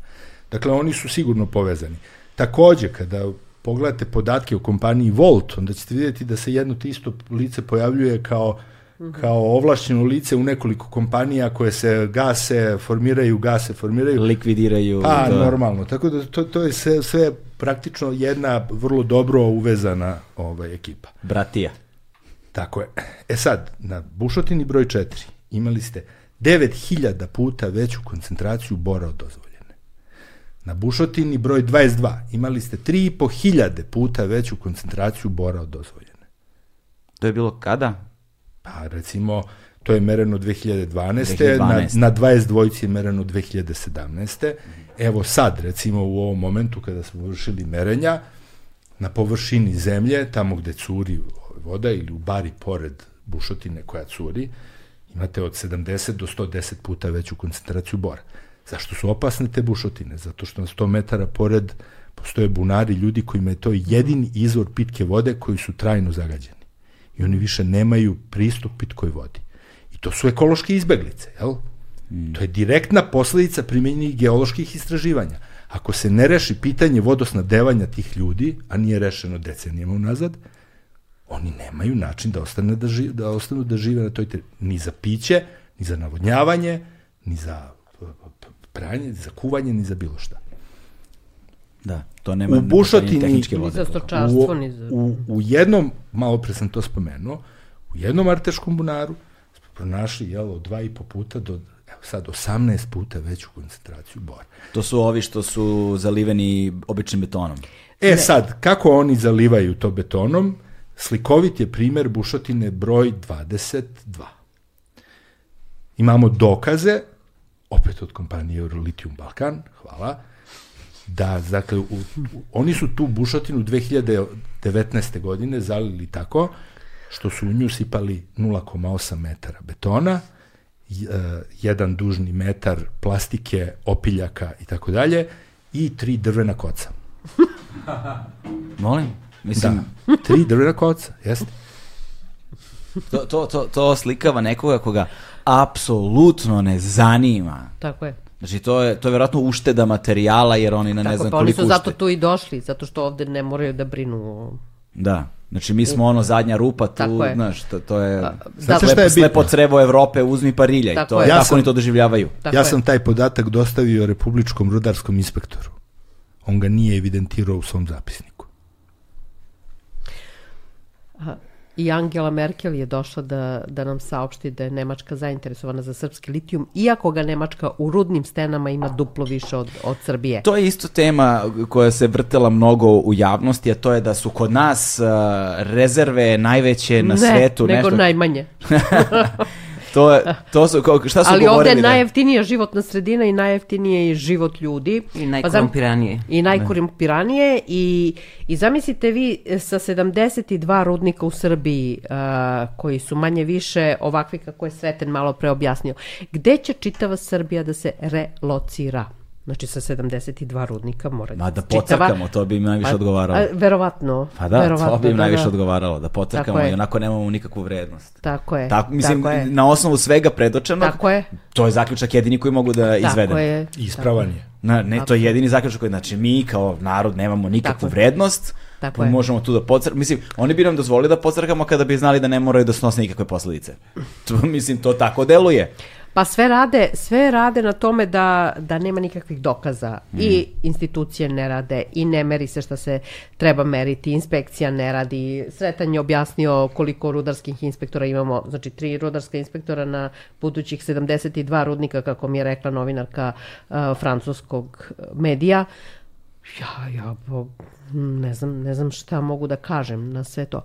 Uh, toksične substance koje, koje se oslobađaju u životnu sredinu nikada više ne mogu da se pokupe. One ulaze u lanac ishrane uh, preko biljaka, životinja do, do nas. Uh, toksične substance su toksične, kancerogene, mutagene i teratogene. Znači, uh, utiču na, na, na, na trovanja, na, na izazivanje kancera, na, na Genetske bolesti, genetske, genetske malformacije i izmene genetskog materijala i na a, deformacije ploda u trudnoći. Znači, nije slučajno što se sve više bolesne dece rađa i što ih lečimo SMS porukama, jer bolesti nastale a, od zagađenja se ne leče u Srbiji. Njihovo lečenje je mnogo skupo, često neizvesno. Um, ako da. neko misli da, da će radom u Borskom rudniku ili u Železari Smederevo zaraditi neke pare koje su 100.000 možda mesečno dinara, a za uzvrat da, e, da dobije e, bolesnog člana porodice koji, koji ne može da se leči u, u, u, u Srbiji, onda, onda cela Srbija skuplja novac SMS porukama za takva lečenja. Da. Uh, kuda mi to idemo kao društvo? Da. Kakav onda- mi, onda- U kakav razvoj mi to idemo ako, ako, ako masovno izumiremo, ako godišnje sada već 50.000 uh, ljudi više uh, umre nego što se rodi, uh, A to- 50.000 pobegni iz Srbije Da. godišnje. A, te, a glavna tema je osiromašeni uranijum, to je... A, Osiromašeni uranijum uh, jeste bio problem za vreme bombardovanja, ali pitanje je koliki je bio problem. Uh, najviše je bačen uh, na Kosovo. Uh, jedna lokacija u Srbiji je kontaminirana osiromašenim uranijumom, to je Pljačkovica kod Vranja u blizini Kosova. Jedna u Han Pijesku u Bosni, uh, Republici Srpskoj, mislim da je. Jedna uh, na Arzi. To je ono poluostrvo Luštica Mhm, da. u Crnoj Gori. Uh, znači, uh, problem osiromašenog uranijuma je uh, onog trenutka kad je bačen i taj aerosol koji se razvio u toku eksplozije, ljudi koji su ga udahnuli su pretrpeli posljedice. Međutim, Uranijum u eksploziji se razvija u visokom oksidativnom stanju, sad govorim kao hemičar, znači uglavnom na, na, a, a, kao šestovalentni, a kao takav on razvija takozvani uranil jon, koji je vrlo rastvoran u vodi i koji je vrlo migratoran. Znači, za, za to vreme od bombardovanja do danas osiromašeni uranijum je završio već u Crno more i, i dalje. Uh, pretpostavljam da ga više u Srbiji nema. Da, eto. Tako da ne može da, on biti... da zaključimo taj mit. Da. Tako je. Da zaključimo taj mit i da onda sve ove probleme zdravstvene i kojima se govori Sami da, proizvodimo. da, da, da adresiramo tamo gde treba. I još nešto, znači bombardovanje je trajalo tri meseca, uh, to je stravično bombardovanje bilo, jer je bilo i ekocida, to su bombardovane ozbiljne hemijske industrije u Pančevu, Barič i tako dalje. Međutim, uh, uh, posle ta tri meseca uh, efekat na zdravlje, sad ja nisam lekar, ali pretpostavljam da je mogao da se oseti negde 5 do 10 godina kao izraženi pik koji je posle toga polako uh, padao. Da. A šta je sa ostatkom vremena gde sami sebe ovoliko zagađujemo? I to konstantno. Da. A Decenije. šta će biti ako, Decenijama. ako se otvori rudnik koji će trajati 90 godina ili 80 godina? I znači koji će to- trajno uništiti, znači uništit će živote ljudima, uništit će poljoprivredu.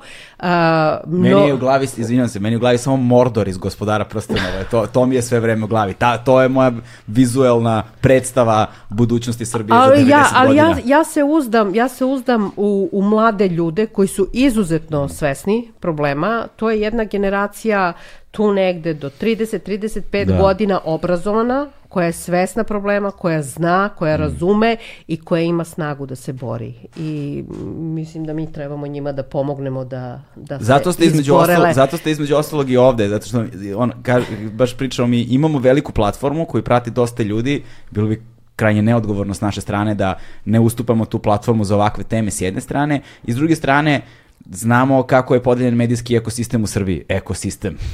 Znaš, u, u Srbiji da ogroman broj ljudi nema pristupa uopšte ovim informacijama, zato što imaju, a, zato što ogroman procenat, više od 99 procenata medijskog ekosistema je prostor u kojem ne možete da verujete ili ne možete da dobijete informacije prave. Ovaj, a i ko, ukoliko dobijete određen vremenski prostor, oni su više mali da bismo u njemu mogli da razgovaramo na ovaj način i ovoliko. Ono što je takođe, a, što bih volio sada da, da, da, da, da, da pomenemo jeste a, ev- evoluciju, tu genezu tog problema. Dakle, zakon o ekspropriaciji je prvobitno a, izglasan 2009. godine, je li tako? Ne, on je davno izglasan. Govorimo Ali o izmenama. izmenama, izmenama i dopunama, da, to, 2009. godine, a e, kažete da je prvi st- stručnjak e, koji je pronašao jadarit bilo još početkom 2000-te predstavnik Rio Tinta, li tako? Dakle, Tako problem sa Rio Tintom nije iz 2019. 2018. godine, to je problem koji mi vučemo koliko dugo? I kako, i kako je zapravo bila evolucija tog problema? Hajde malo da govorimo o tom zakonu o ekspropriaciji konkretno u ovom slučaju. E, Stručnjaci za rudarstvo kažu da je jadarit e, pronađen još par decenija pre. A da? da je on, jeste, a da je on zapravo dobio svoju medijsku eksponažu preko e, Rio Tinta, koji je vjerovatno uspeo da poveže 2 i 2 i da vidi da bi on mogao dobiti svoju ekonomsku jel, valorizaciju. E, sad kad govorimo o zakonima, onda bih ja rekao sledeću stvar. Mi smo imali u oblasti e, ekološkog prava jednu ekspanziju tamo negde 2003. 2004. godine sa setom tih propisa krovnih zaštiti životne sredine, proceni uticaja strateškoj, IPPC procedurama i tako dalje i sad jedan zalet. Međutim, u međuvremenu se zapravo sve okrenulo i onda su polako propisi ne samo iz oblasti zaštite životne sredine, ali i oni, recimo tako što su i do dan danas se to radi sa promenama graničnih vrednosti za parametara za određene hemikalije, za Pa se određene... tako povećava granična vrednost za bor. Jeste, pa za, Da li je za nivoje slučaja? zagađenja, ovo što je bilo sramno prošle godine za nivoje zagađenja vazduha. ovo su po- E, ali, a zanima me sad, tako. pre, nego- pre što nastavite, samo koliko su ih menjali, te granične vrednosti? Pa evo sad ću vam reći, za bor sa 0,3 na 1 mg. Znači tri puta je veća, sad je maksimalno dozvoljena koncentracija tri puta veća nego 2019. godine. Tada je vrednost bila 0,3, sada je 1. Da li je to slučajno? To nije slučajno, sigurno, znate. A bor ide uz rudnike litijuma. Da, da. Vi- Vi u Valjevu imate bor i litijum, a u Loznici imate litijum i bor. Ali nije šija nego vrat. Ali da, da. A tako isto i u Pranjanima, tako isto. Tako je, tako. I onda se, onda se dešava situacija da se zakoni polako podešavaju u korist investitora, stranog. stranih investitora. Pa u suštini stranih. A mi svoje i nemamo. Pa da. I sad podešavaju se zakoni. Prvo se relativizuje, relativizuju zakoni iz oblasti zaštite životne sredine, pa se onda radi još opasnija stvar, počinje vrlo loša implementacija i primjena tih propisa, pa ne postoji sankcija za neprimenjivanje tih propisa i onda vi na kraju dobijate u oblasti prava zaštite životne sredine mrtvo slovo na papiru. Paralelno s tim, što je vrlo opasno, menjaju se propisi iz oblasti energetike i rudarstva. I najopasnije, menja se zakon o planiranju i izgradnji, koji je u sve ovo uneo jedan potpuni pravni haos, jedno potpuno uništavanje vladavine Kad prava. se to sve dešava? Pa u zadnjih nekoliko godina. Jel? U zadnjih nekoliko godina. Potpuno, vi u zakonu o planiranju i izgradnji imate jednu odredbu, završenu odredbu na koji kaže da se svi, propi, svi, svi, svi drugi propisi koji nisu u skladu sa zakonom o planiranju i izgradnji ne, pro, ne, ne primenjuju. Ako su u suprotnosti sa odredbama Ili zakona u sukobu, o, da. u sukobu, to je nezamisliva iz ugla pravnog mozga, to je nezamisliva odredba, zato što se postoji jedna pravna zakonodavna tehnika u kojoj se na kraju zakona, u završnim odredbama kaže momentom primene ovog zakona prestaje da važi, pa onda kaže član taj, taj, tog i tog zakona, član taj, taj. A ovde kaže, svi drugi propisi koji nisu u skladu sa ovim zakonom ne primenjuju se. Ko je taj koji treba prvo da proceni koji je propis u skladu sa drugim propisom? Znate, tu se zapravo govori o pitanju zakonitosti, ustavnosti, znate, to jednostavno državni službenik nije kadar da uopšte odluči o tome da li je jedna odredba nekog tamo zakona u sukobu sa nekim drugim zakonom. Da. I taj zakon, jel, e, o planiranju izgradnji je uneo jedan potpuni haos u ovu državu. E, nešto još gore je pokušao da unese zakon o ekspropriaciji sa ovim izmenama do kojih na kraju nije došlo. Zašto? Zato što je zapravo napravljen jedan antizakon. Jedan zakon koji apsolutno favorizuje strane privatne investitore, privatne investitore, koji u njihovu korist utvrđuje javni interes ove države da oni ostvaruju dobit na teritoriji ove države i da na taj način nemaju nikakav obzir prema domaćem stanovništvu, pa gotovo da kažem domorodačkom stanovništvu, jer nas zakon na neki način tako tretira, jel? Što je moglo da dovede do toga da se u jednoj nenormalnoj, kratko, nenormalno kratkoj proceduri od nekoliko dana oduzima listom zemljište od, od građana Srbije koji, su, koji imaju svoja svojinska prava. Znate, pravo svojine je, je ljudsko pravo. Da. Ono je garantovano ustavom. Ne može drugo pravo svojine da ima veći značaj od vašeg prava svojine. I zato postoji javni interes. Javni interes, kako je nekada u svom izvornom i ispravnom značenju glasio, jeste da se javni interes utvrđuje kada, si, kada je potrebno graditi škole, mm -hmm. kada je potrebno graditi puteve, ali ne po svaku cenu, nego zna se tačno u kojim trasama, znate. Kada je potrebno graditi linijske infrastrukturne objekte, pa i energetske objekte, ali ne na taj način da vi praktično drugoj kompaniji dajete pravo da ostvaruje profit tako što će vam oduzeti pravo svojine. I na taj način je zakon o ekspropriaciji zapravo ukinuo pravo svojine i pretvorio da. ga u pravo korišćenja.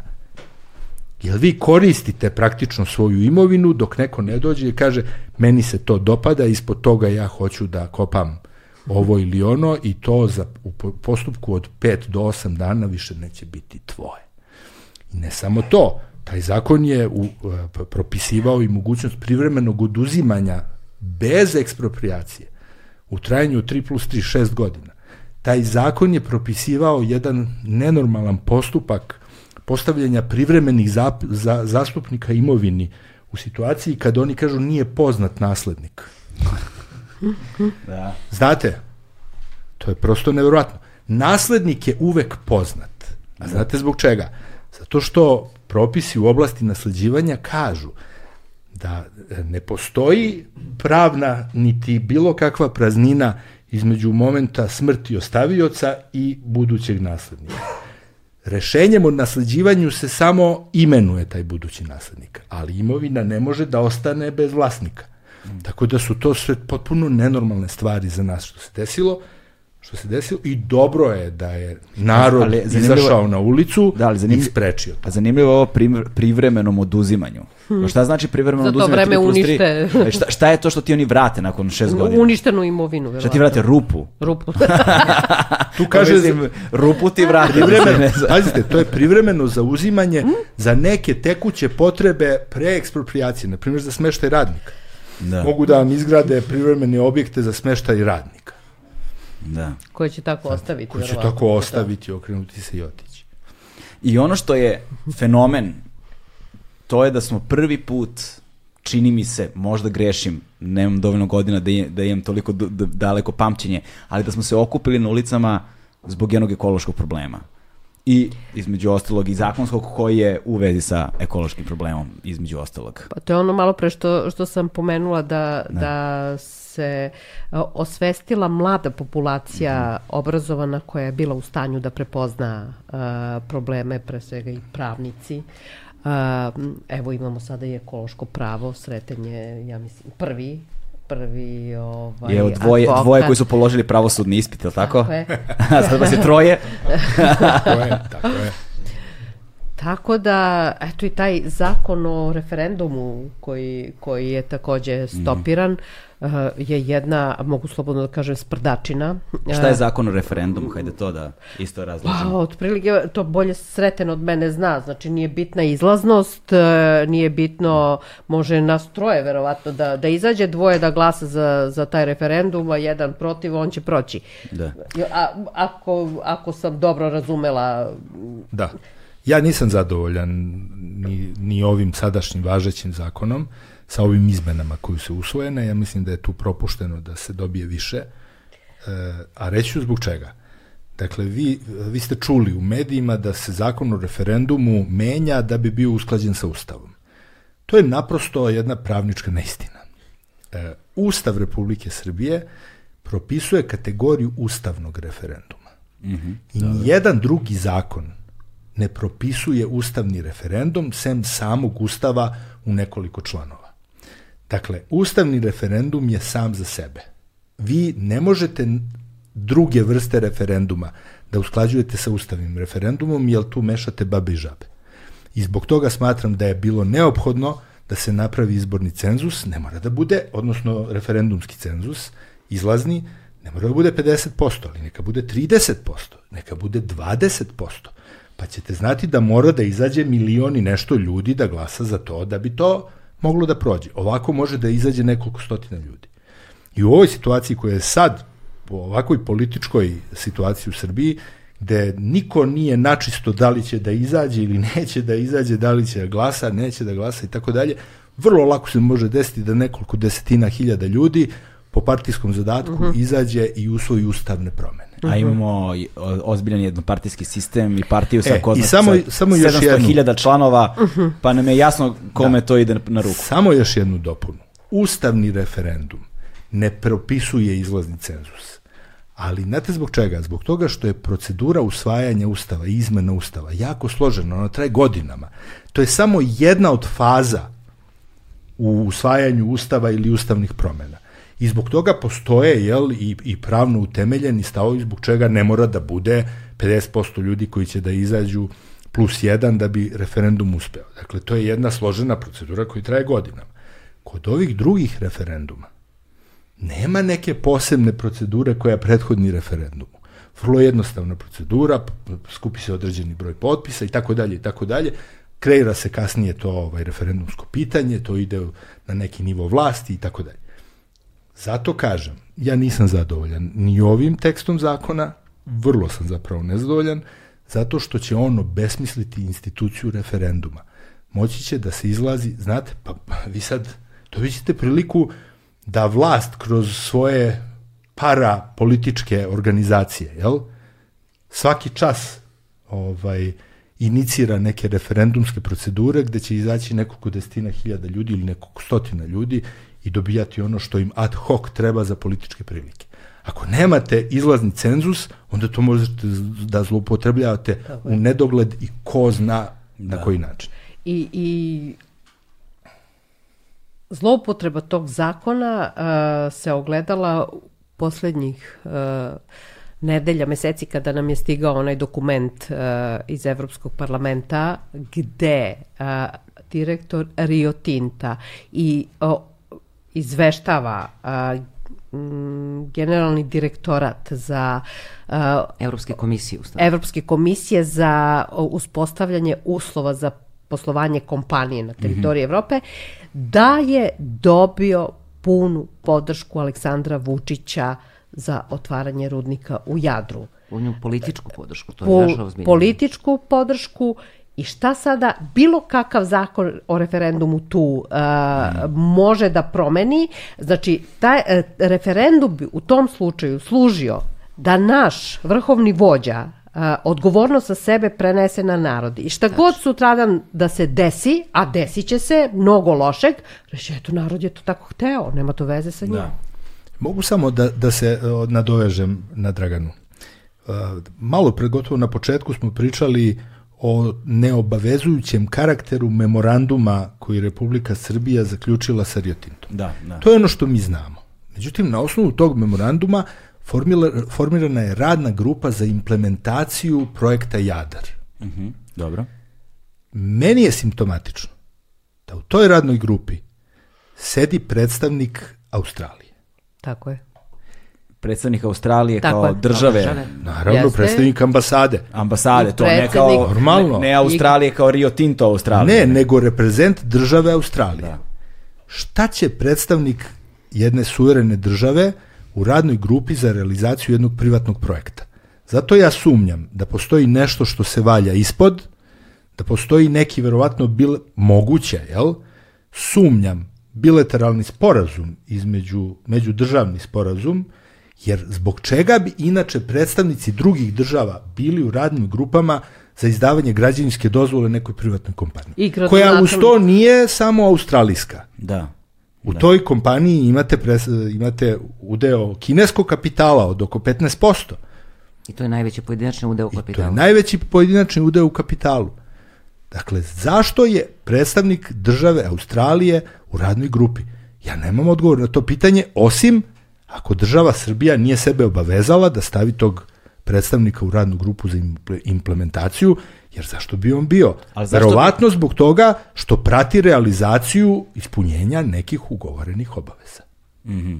Da malo i naivno zvuči da posle 17 godina ulaganja novca, mislim, ajde, razmišljam samo kao ljudi, 17 godina ulažete u nešto, vi kao pojedinac, pa da ne govorimo o kompanijama, znači to stotine miliona evra, samo u istraživanja. I sad odjedno kao, e pa dobro, mi smo se šalili, kao, ok, narod se buni, e, mi nemamo nikakve obaveze e, jedni pre drugima, pa po, po kine, ne važi, mi odustajemo od toga. Mislim, to zvuči potpuno nebulozno. Pa da, Ali nije meni, nije meni tu ništa čudno, pa nas dve dolazimo iz nauke i znamo da ne mora svako istraživanje da bude i realizacija. Ne, ne, Vi možete da finansirate sto istraživanja i tih 100 da nađete ono najbolje koje će dati najbolju realizaciju. Prema tome, to što je Rio Tinto uložio u istraživanje, to je uh, iz nje, njihovog budžeta za nauku uložio. Znači, to, to nas ne treba nikako da, da obavezuje. I to što pričaju da će uložiti 2 milijarde i 400 evra, oni će uložiti u rudnik za svoj profit, ne u Srbiju. A mi ne govorim Meni ja o tome to... koliko otišu istraživanja, nego koliko otišu neke druge, Aha.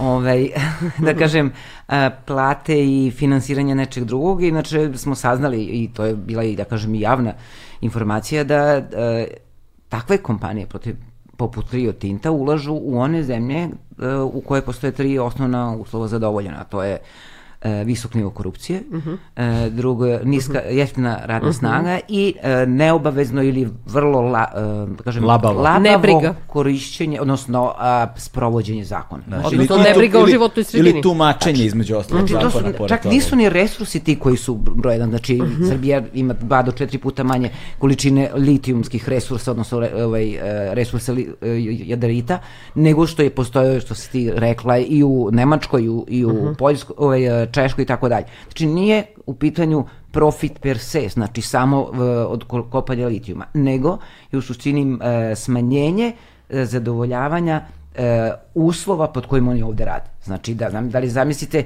da Rio Tinto može da uđe u Nemačku? Ma mislim, njih bi koštalo više, što bi se reklo, nego sve to Petra Kajgana. Ove, koliko bi morali da ulaže u Absolutno. sve moguće znači, uh, zakone, odnosno uh, uh, zaštitu koji bi, koji bi penali pa, bili, koja bi pa, kontrola pa, to bi, bila, nadzor. To bi, bilo, to, je... to bi njih skuplje uh, koštalo nego sam taj profit da, uh, da. zbog čega dolaze. Uh, oni su nama u Srpskoj akademiji nauka i umetnosti 6. i 7. maja uh, pričali o nekakvim nebuloznim sistemima za prečišćavanje uh, otpadnih voda, dvostruka osmoza, jonske izmene i da će u Jadar uh, ispuštati vodu nivoa deionizovane vode, znači to je nešto... Šta to znači? A, to znači da, da će ta voda koju oni budu prečistili, a, a, oni znaju da će biti mnogo otpadne vode, pa će oni prečistiti do nivoa da u vodi nema ničega, i to nije dobro. e, i onda, sam, on, onda smo malo bolje e, iščitali tehnologiju koju su oni predstavili u patentnoj prijavi, Njima ti sistemi dvostruke osmoze, jonske izmene trebaju da prečiste drinsku vodu za proces jer oni moraju da proizvedu uh, čist litijum karbonat i litijum hidroksid, uh, takozvani battery grade, uh, za proizvodnju da. baterija, to mora da bude čista substanca. Znači njima će, oni će zaista imati dvostruke osmoze i, i, i uh, jonske izmene, ali ne za prečišćavanje otpadnih voda, nego za prečišćavanje drinske vode za njihov proces. Za prečišćavanje zdrave jeste, vode jeste. za proces, hemijski proces proizvodnje litijuma. tako je. A što će sa otpadnom vodom da rade? E, to, to, to, znači to mi ne znamo šta će da rade. Da li uopšte... ne znamo još uvijek ni koliko im vode treba. Oni uporno tvrde da njima treba malo vode, da će oni vrteti jednu te istu vodu u, u, u proces, a ovamo s druge strane grade cevovode od Drine, iako u, u okolini rudnika imaju dve reke i Jadar i Korenitu. Njima znači nije, Korenita je manja reka, ali Jadar je poprilično izdra, izdašna reka, I e, na, na osnovu količina vode koje oni prikazuju da će koristiti, njima je to sasvim dovoljno. Zašto onda grade cevovode od Drine?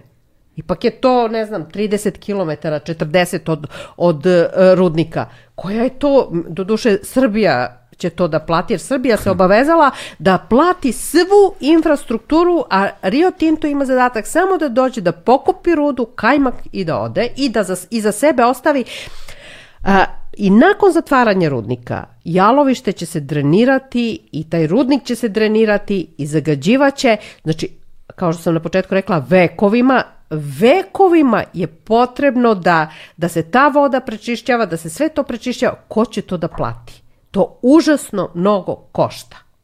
Da. Sada, ono što me zanima, uh, ovaj, jeste, ok, uh, dakle, rečeno je da je najbolja, najbolje za celokupan rudnik da se on uopšte ne desi, za ceo projekat da Tako se ne desi, to, to, to, to, to, je, to je zaključeno.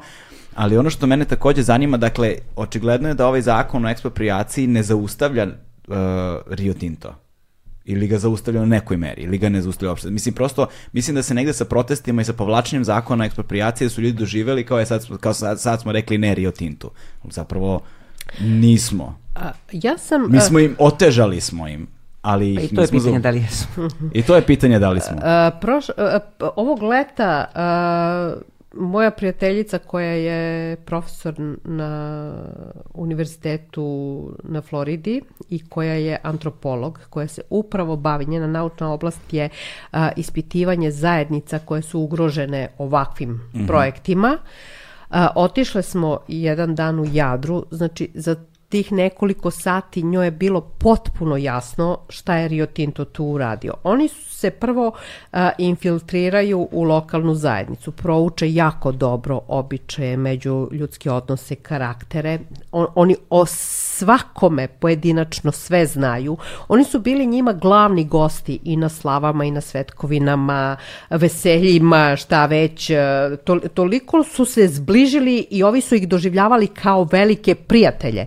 Međutim, kada su u lokalnoj zajednici uh, stekli uh, predstavu šta njih u stvari sa rudnikom čeka, oni su se pobunili i sada više nisu mm -hmm. u, u ljubavi.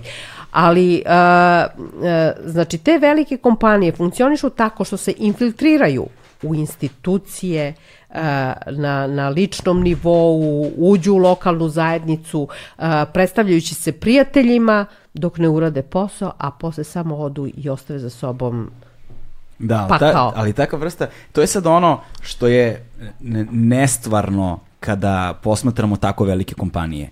Jer to onda pretpostavlja jednu vrstu tendencioznosti, jednu vrstu planiranja koje se graniči za teorijom zavere. Pa ne, ali, Znaš, ali, da ali da oni se time bave, a naš, naš narod je neiskvaren i nepripremljen za te, da kažem, belosvetske da, lažove i hoštaplere i oni su njih doživeli zaista prijateljski. Da. Zaista, oni su godinama jako lepo živeli dok su ovi... Dakle, koliko, du, koliko dugo su se ta, zapravo... Pa 15 godina. 15 da, godina. 15 godina su maltene, uh, lokalno stanovništvo je njih doživljavalo kao spasioce, kao neko ko će im doneti boljitak, ne videći da, da će rudnik da im uništi sve. Da. Da. A u suštini cela priča je počela da se okreće na drugu stranu, sad kad je Dragana ne upoznata pra, praktički pre godinu i po dana, je tako, tako Dragana? Tako. Kada su u suštini e, nekoliko ljudi, to više nije ni desetine, to je možda četvoro, petoro ljudi, počelo da, da, da uh, ukazuje na to koji su negativni efekti, jer do tada niko nije govorio o negativnim efektima tog potencijalnog rudnika. Niko, znači ni država, ni institucije. Cela Loznica je bila ubeđena da je to prosperitet za... Eldorado, za, da je spas. Eldorado. Da, da, spas. I tek pre godinu i po dana su počeli da, se, da, da dolaze informacije, pre svega od ljudi zahvaljujući kao što je Dragana ili uh, Bojana Novaković iz, iz Amerike i uh, znači još nekoliko ljudi koji su sve što kažu čuknuli u glavu da vidimo da tu ima i nešto što nije baš dobro mm -hmm. i onda su znači, otvorila čitav da kažem rudnik onoga šta Pandorina sve, kutija, Pandorina kutija mm. šta sve postoji i odjednom je počelo da se gomila ajde da kažem da za red veličine količina informacija koje su upravo znači napravile kontra teg onome što je do tada pričano da. jer uh, da. jednostavno uh, u, u odnosu na tu kako ste rekao E, ekološku medijsku scenu, znači da niste mogli ni dan danas u, aj kažem, možda 70% Srbije, ljudi do pre par meseci apsolutno nisu bili svesni o čemu se radi. Tako I nisu mogli da povežu čak ni zakon o ekspropriaciji sa tim, a sad odjednom počinjemo da shvatamo da je sa upravo sa tim rudnikom vezan zakon o ekspropriaciji, zakon o, o, o da kažemo, rudarskim iskopavanjem, koji je pre nekoliko godina promenjen, pa zakon o referendumu, pa da ne govorimo infra, infrastruktura koja je, znači, košta ogromna, ogromna sredstva, da je u suštini, ja se bojim da kažem da je ovo settings koji je već napravljen sa svim onim što se gradi tamo u severozapadnoj Srbiji, što se investira, da u suštini je, smo bi dovedeni pred svršen čin. Da. Svim ovim što gledate, se rudnici. Znači, to je gotovo, znači, infrastruktura, uh mhm. -huh. putevi, uh -huh. uh, cevovodi, gasovodi, uh mhm. -huh. elektrovodi, uh, -huh. ovaj, kako se zove, uh, pa da, ali takva pruga, vrsta... znači, to, to se ne radi za nešto što će se odustane da, za godinu dana. Ali takva vrsta, takva vrsta investicija prevazilazi ono što su istraživanja.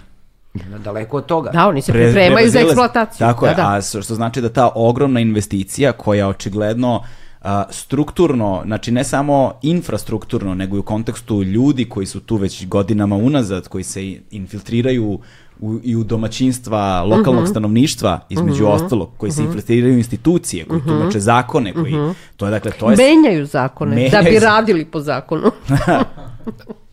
u, u ovom sporazumu, memorandumu o saradnji, uh -huh stoji recimo odredba u kojoj se država Srbija obavezuje da ne može na svoju ruku da menja zakonodavni okvir. Nego mora uh, onako kako Rio Tinto odgovara. To je jedna stvar.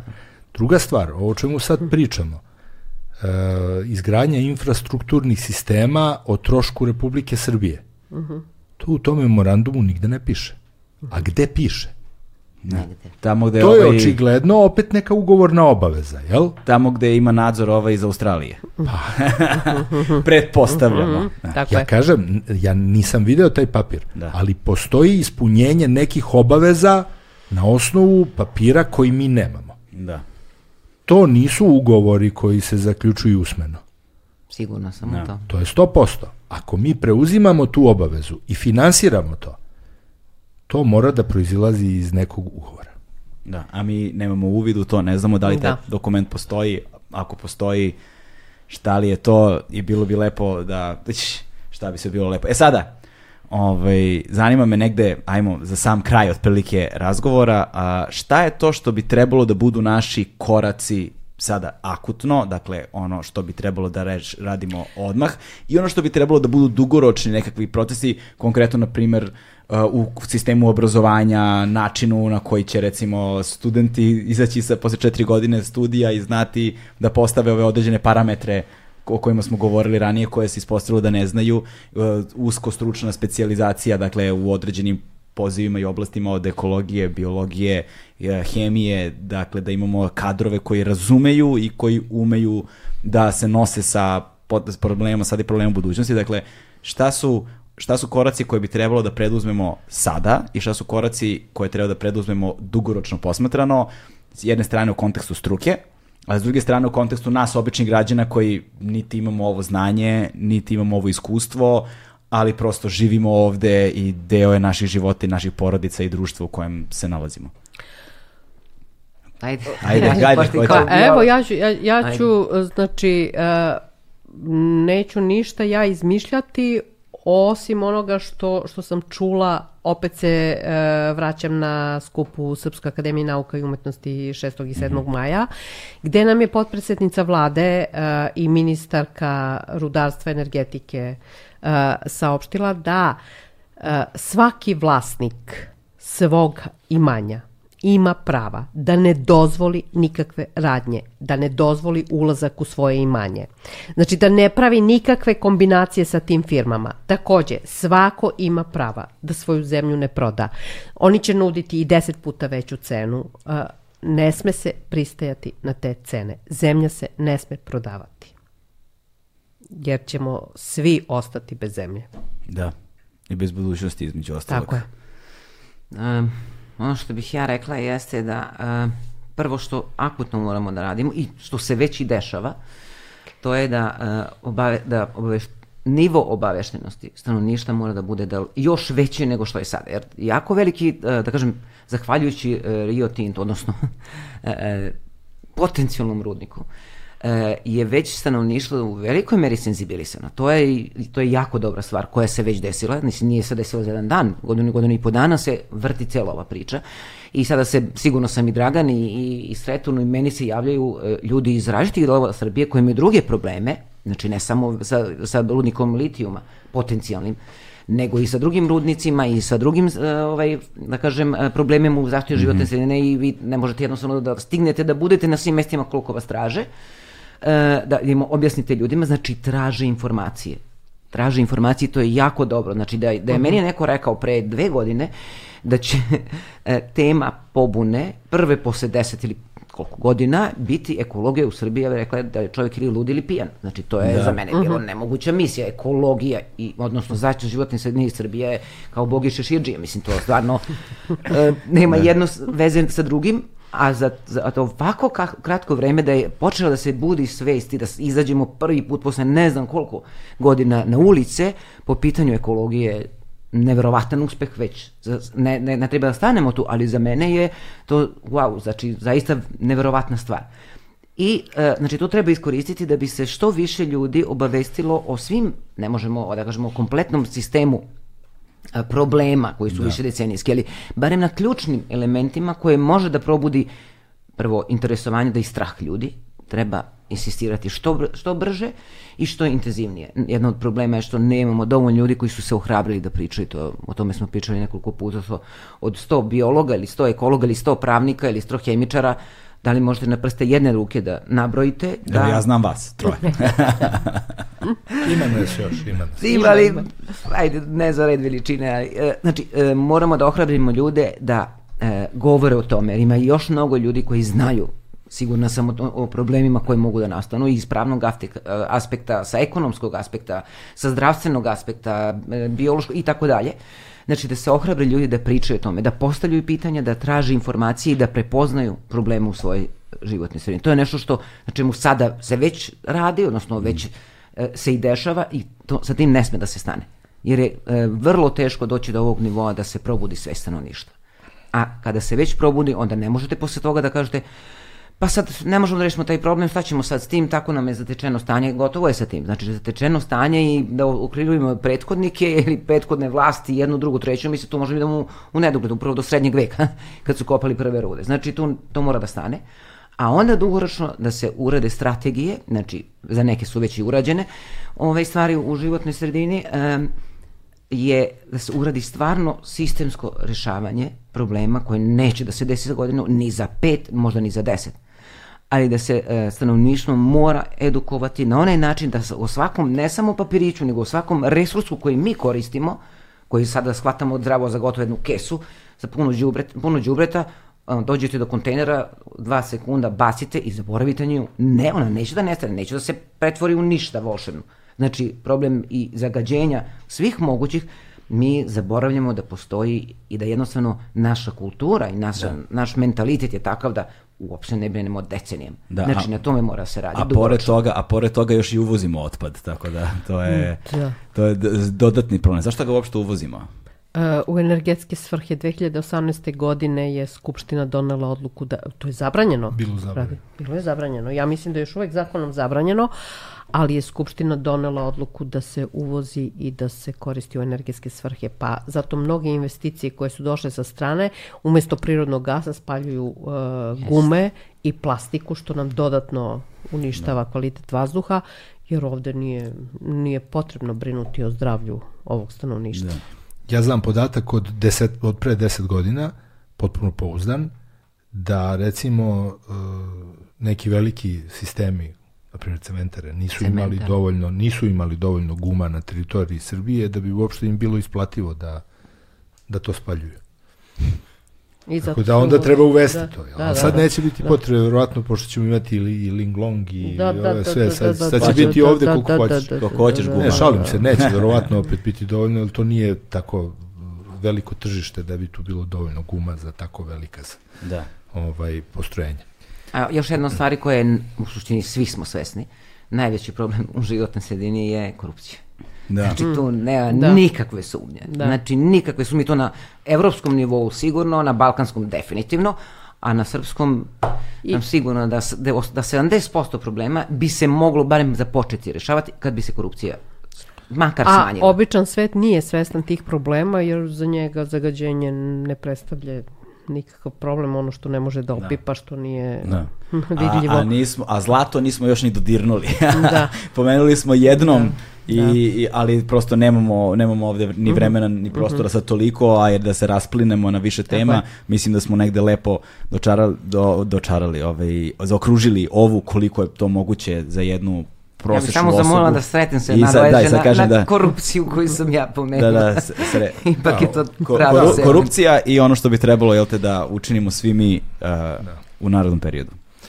Pa korupcija jeste najveći problem i mislim, ja se bavim ovim poslom jako dugo već i da budem iskren, ovaj, imam ja odbrane i u krivičnim postupcima i pred specijalnim sudom i ovamo i onamo to je sve manje opasno od bavljenja pravom zaštite životne sredine. I moja porodica, zapravo supruga najviše strepi od, od mojih ekoloških stvari. Jel? Ekoloških istupanja. Istupanja, da. Zato što tu ima svega, što su e, postupci veće vrednosti, tu su veći interesi i tu je više svega. Mm -hmm. Da, ali dobro, to je manje bitno sad, ali zaista jeste, to je tačno potpuno, verovatno ne postoji oblast te korupcija izraženija nego ovde. I verovatno ne postoji više neznanja. Nekada je u, u, u, u organima državne uprave od ministarstva pa na dole bilo mnogo više stručnjaka Tačno. iz oblasti zaštite uh mhm. -huh. životne sredine. Uh mhm. -huh. Od nekih sam ja učio kao maj, mali, uh mhm. -huh. mladi pravnik, jel?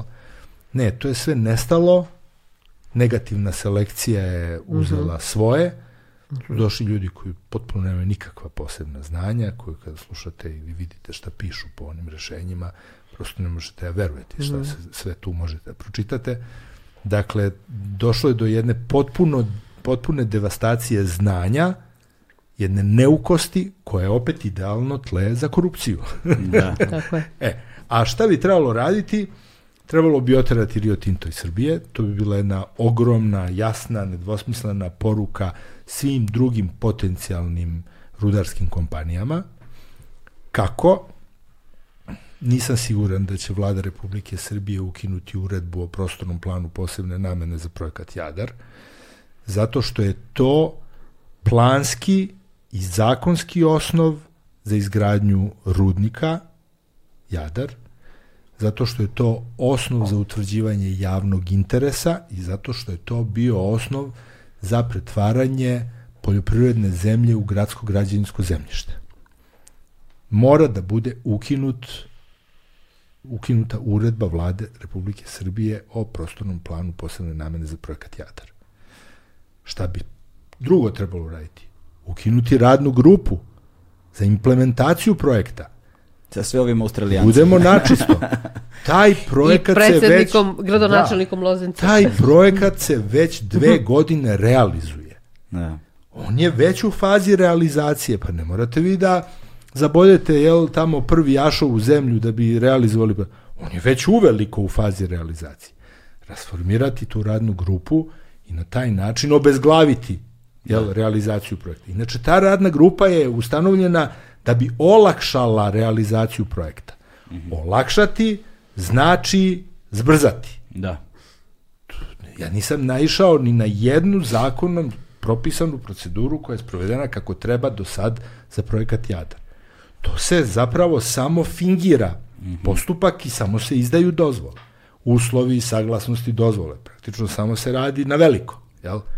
Sledeća stvar, izmeniti zakon o rudarstvu, pogotovo u odredbu člana 4. U toj odredbi člana 4 stoji osnov da se privatnim rudarskim kompanijama daje status korisnika ekspropriacije. To treba obrisati.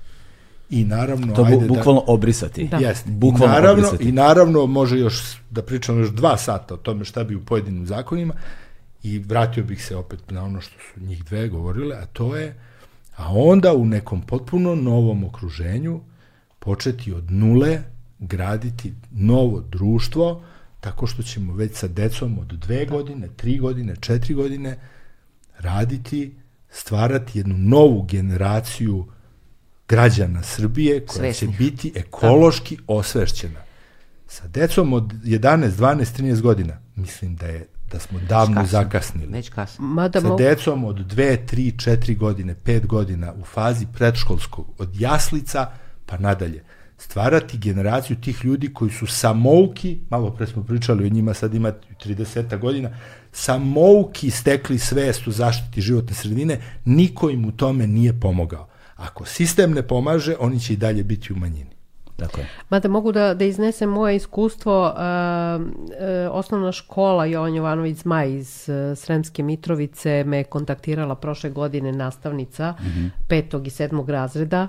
Uh, njeni đaci su hteli razgovore sa naučnikom, tako da ja povremeno sa njima razgovaram i mogu da prenesem ovde uh, saznanje da su ta deca i te kako svesna problema čak šta više veoma uplašena i e, traže načina kako oni mogu nešto da promene. Znači oni su svesni da, da, da su njihovi životi u opasnosti.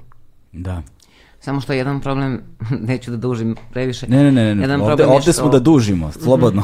A, jedan problem je e, oterati Rio Tinto, a drugo je način e, razmišljanja promeniti, jer svetsko stanovništvo, pa, znači počeo od ajde, ove sobe do 7,8 milijardi ljudi, mora da promeni način Da. razmišljanja i ponaša, pona- ponašanja u odnosu na neobnovljive, ono što pričaju obnovljivi resursi na planeti Zemlji, kako mi trošimo resurse, svi su neobnovljivi. Da, ja bi zapravo trebalo u opisu ovog videa da stavim link za video koji smo napravili isto ovako okru- okrugli sto obrazovanju koji smo imali ovde, tako da. Apsolutno. Jer znači, to je mora ključna ono što stvar. kaže Sretan od 3, 3, 4 godine da, da govorite detetu da ne mora da e, promeni svakih godinu dana ili dve godine ovaj, e, Telefon. telefon zato što to podrazumeva ne samo litijum nego i druge veoma retke metale koje se kopaju Znači sve Minerale, je povezano, da. meta, mere- mere- ono, elemente Da, da, da. koji se kopaju u Kongu ili mm. u Africi kojih nema nigde drugde. I onda, znači, kad promenite telefon, ne razmišljate koliko je bukvalno dece u Kongu, u ovaj, uh, Burkina Faso ili negde moralo da radi za 10 dolara Mislim, tu, tu, tu moramo da dodamo samo i da ko- kompanije koje proizvode ove telefone proizvode softvere sada takve da oni riknjavaju posle dve Tako godine. je, Znači, tako ti je. moraš da promeniš telefon. Tako je, a litijumske, litijum se uh, uh, u ovom trenutku reciklira svega na 5 procenata uh, svetske proizvodnje. Da. Znači 95% e, završava... Sad, to, me, to me zanima, koliko je recikli, recikli bilan e, Vrlo litijum? težak, vrlo da. teško. Zato što za razliku pored, aluminijuma, na primjer. Teško zato što a, litijum-ionske baterije podrazumevaju i druge hemikalije mm, u sebi da. koje ometaju a, razdvajanje e, jer su, jer su inkorporirane da, jedno da. u drugu. Iako je skupo, mm -hmm. da kažem, recikliranje postoji, ali, kažem, toliko je neisplativo da, da. u suštini je mnogo isplativije kopati novu. A i energetski ovaj, utrošak, verovatno. Ali, ali, ali realnost je i natrium-jonske baterije vrlo su uh, realne, mislim, i u proizvodnji, uh, a imaju iste karakteristike kao litijum-jonske, a natrijuma je hiljadu puta više na planeti nego litijuma, njega imamo u kuhinskoj soli, u morskoj vodi i lakše je doći do njega Tako da litijum je nešto što je sada već prošlost mm -hmm. yes. i ja mislim da je interes uh, Rio Tinta ne litijum nego bor u Srbiji. A litijum zbog aktuelnosti uh, se koristi kao... Uh, Okidač. Kao marker. Propag, odnosno kao reklama. A zašto kao, bor? Pa Bor ima široke primene od e, farmaceutske industrije, poljoprivredne, industrije stakla i tako dalje. Da, Jedan od najkorišćenijih elemenata u, da, u, da, u industrijskoj da, proizvodnji, ne da, samo da. Ja nemam pojma, pa A moram da pitam. ima, recimo u Jadru da. ga ima negde pet puta više nego litijuma, ne znam, u... U, u Valjevu su pronašli ogromne količine bora u, u rudi. Da, ta, a u Pranjanima tamo kod Požege su govorili seljacima, ne, ne, ne tražimo mi litijum, mi tražimo bor, a ista je tehnologija proizvodnje. Ali ljudi ne reaguju, to nije ključna reč na koju reaguju. Ljudi ne znaju. Da. Ja, Dobro, bor nije tako, mislim, mm -hmm. bor, nije, bor nije problem, naprotiv. Mm -hmm. naprotiv. Isto, ista, da. ista je tehnologija ekstrakcije, mislim, isto je pogubna po životnu sredinu. Eto ključne informacije o kojoj nisam mm -hmm. imao pojma. A verujem i mnogi koji slušaju isto tako. I treba da, da gledalci i slušalci imaju u vidu činjenicu da, da su e, količine e, jalovine otpadnih materija monumentalne godišnje, možda bi ti trebala, samo ti si mi to i pričala, e, poređenje sa rudnikom Zajača, jel? Da. I, da. i znači u da. količinama pa količina da količina jalovine samo iz uh, jadarita mm -hmm. a, bi bila 250 puta veća od jalovišta u rudniku stolice koje se 2014. godine izlilo i napravilo štetu u vrednosti od 40% štete od poplava u toj godini koja je nastala u Srbiji, a, ona je iznosila milijardu i 700 miliona evra. Znači, to malo jalovište, a ovo će samo od jadarita treba da bude 250 puta veća, a još ako budu do, dovozili rude, ne znam, iz Požege, Valjeva, Vranja, Jagodine, koje planiraju tu da, jer ne verujem da će oni 10 tehnoloških postrojenja da postave po Srbiji za proizvodnju litijuma i bora, nego će to biti jedno i zato oni grade tolike puteve i povezuju sve, sva ta mesta, da. ne bili olakšali Rio Tintu ili kome već Dakle, rudnik stolice je za preko 100 godina generisao manje od milion tona jalovine. Tako. A Jadar, a, a u Jadru se planira oko milion i po tona godišnje. Tako je. Jalovine. Tako je. Puta 60 godina, 100 miliona tona, plus e, iste takve količine u Valjevu, pa u Požegi, pa u Čačku, pa u Jagodini. Pa to je samo za litijum. To je kataklizmičan scenario koji je realan i koji stoji u dokumentaciji rudarskih kompanija. Deo te dokumentacije stoji u Ministarstvu rudarstva, jer oni rade godišnje izveštaje i godišnje planove koje moraju da dostave ne samo Ministarstvu rudarstva, nego i lokalnoj samoupravi na svojoj teritoriji. Dakle, to, ovo nisu izmišljotine. Ovo su realne stvari koje se trenutno dešavaju. Da. I još uvek nisu došle do faze potpune realizacije, ali ako se nešto ne desi odmah, imaćemo to vrlo uskoro sledeće godine, u Loznici, posle 5-6 godina u Valjevu pa i evo tako na redom u celoj na Vlasini buša, ja mislim za, za bakar, cink, ne znam nija zašta rudnik i to na uh, Rupskoj reci koja je jedna od najčistijih naših reka, a Vlasina je predeo koji ima um, duplo više uh, kvalitetnih pijaćih voda po, po jedinici površine u odnosu na bilo koji deo u Srbiji, e oni tu planiraju takođe rudnik. Znači da unište i te vode. Da, sad, ali, I reke. Ali iz ovog svega priloženog takođe se zaključuje da nije neophodno samo obrazovanje, nego neophodan i generacijski način razmišljanja. što znači da treba da zasađujemo drvo u čijem hladu nećemo mi uživati. Dakle, da donosimo Tako. životne odluke koja Koja podr... podr... Stari kinezi rekli. Da, koju- da, tako. izmišljotina. Pa, da, znači da donosimo životne odluke koje pretpostavljaju uložen trud i ogromno odricanje za nešto što nećemo mi videti kao, kao E, konačni ishod. Meni je moja prijateljica antropolog rekla da u Americi uh, plemena Čirokezi, uh, indijanska plemena. Da, da. imaju princip sedam generacija. Znači sve što planiraju da urade, uh, razmotre uh, do, do sedme generacije uh, svojih potomaka da li će biti posljedice ili neće biti posljedice. Znači ako su sigurni da do sedme generacije će njihovi potomci biti bezbedni, uh, onda će ući u neku realizaciju. Ako utvrde da, da mm, će tu biti nekih problema, ne ulaze u te realizacije. Da. A ovo vreme zaoštrenog individualizma, posebno kroz društvene mreže i telefone, ono, ne, ne obećava generacijski način razmišljanja i prisus, svedočimo tome svakoga dana, ali to je još jedna stavka, eto, ako bih ja možda mogao da doprinesem na bilo koji način ovom prostoru, u ovom razgovoru ovde, to je taj generacijski način razmišljanja i nekako implementirati, posebno kod tih mlađih uzrasta o kojima smo govorili, dakle da se taj individualitet ostvaruje kroz kolektivitet. Dakle da, da postoji ono jedan veliki deo tebe i identitetski deo tebe koji ono koji se ostvaruje kroz doprinos zajednici, a ne samo kroz ostvarivanje ličnog ličnog je. uspeha, ličnog poštovanja, Tako je. ličnog Tako tako je. dalje. Da, Prosto to je je nevjerojatno kako je moguće da, da vrsta koja je nastala, odnosno opstala, samo zahvaljujući tome što smo, ajde da kažem, Da. e, društvo, znamo da kako, da, društvena bića, e, dovodi sebe u suštini, ovo nema, š- nema šta da se misli, to dovodi do uništenja vrste, zato što taj individualizam, ako se nastavi u svom ekstremnom obliku, će da dovede do nas- nestanka vrste, tu nema govora. A prvi valjda strada onaj na vrhu lanca, koliko sam upoznata. Je, ne, ne samo to, znači oni koji su, uh, vrste koje su uh, na, evoluirale na taj način da zavise od društvene zajednice, znači apsolutno jedinke ne mogu da opstanu. Znači bilo da su to pčele, mravi u pitanju, znači uh, da kažem slepe, ovaj, lepe kučadu u Africi i tako dalje, nije ni bitno. Znači oni zavise jedni od druge, pove- povećavaju takozvanu adaptivnu vrednost čitave grupe.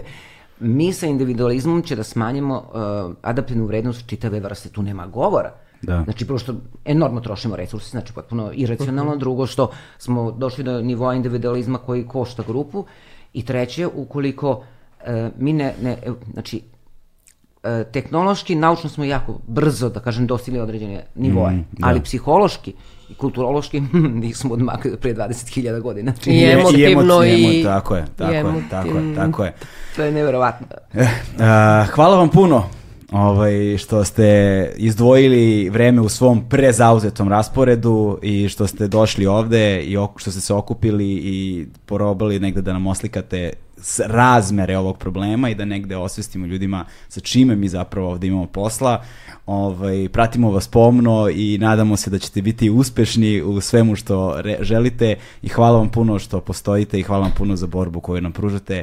A, neizmerno sam vam zahvalan, verujem u ime svih koji nas slušaju i gledaju sada. Hvala vam puno još jednom. Hvala i tebi na Hvala na pozivu. pozivu. Mi ne moramo biti toliko uspešni, ali narod mora biti uspešan. Tako je, Slažem tako je. Svestan. Hvala puno još jednom, to je to, stigli smo do kraja. Ćao. Ćao.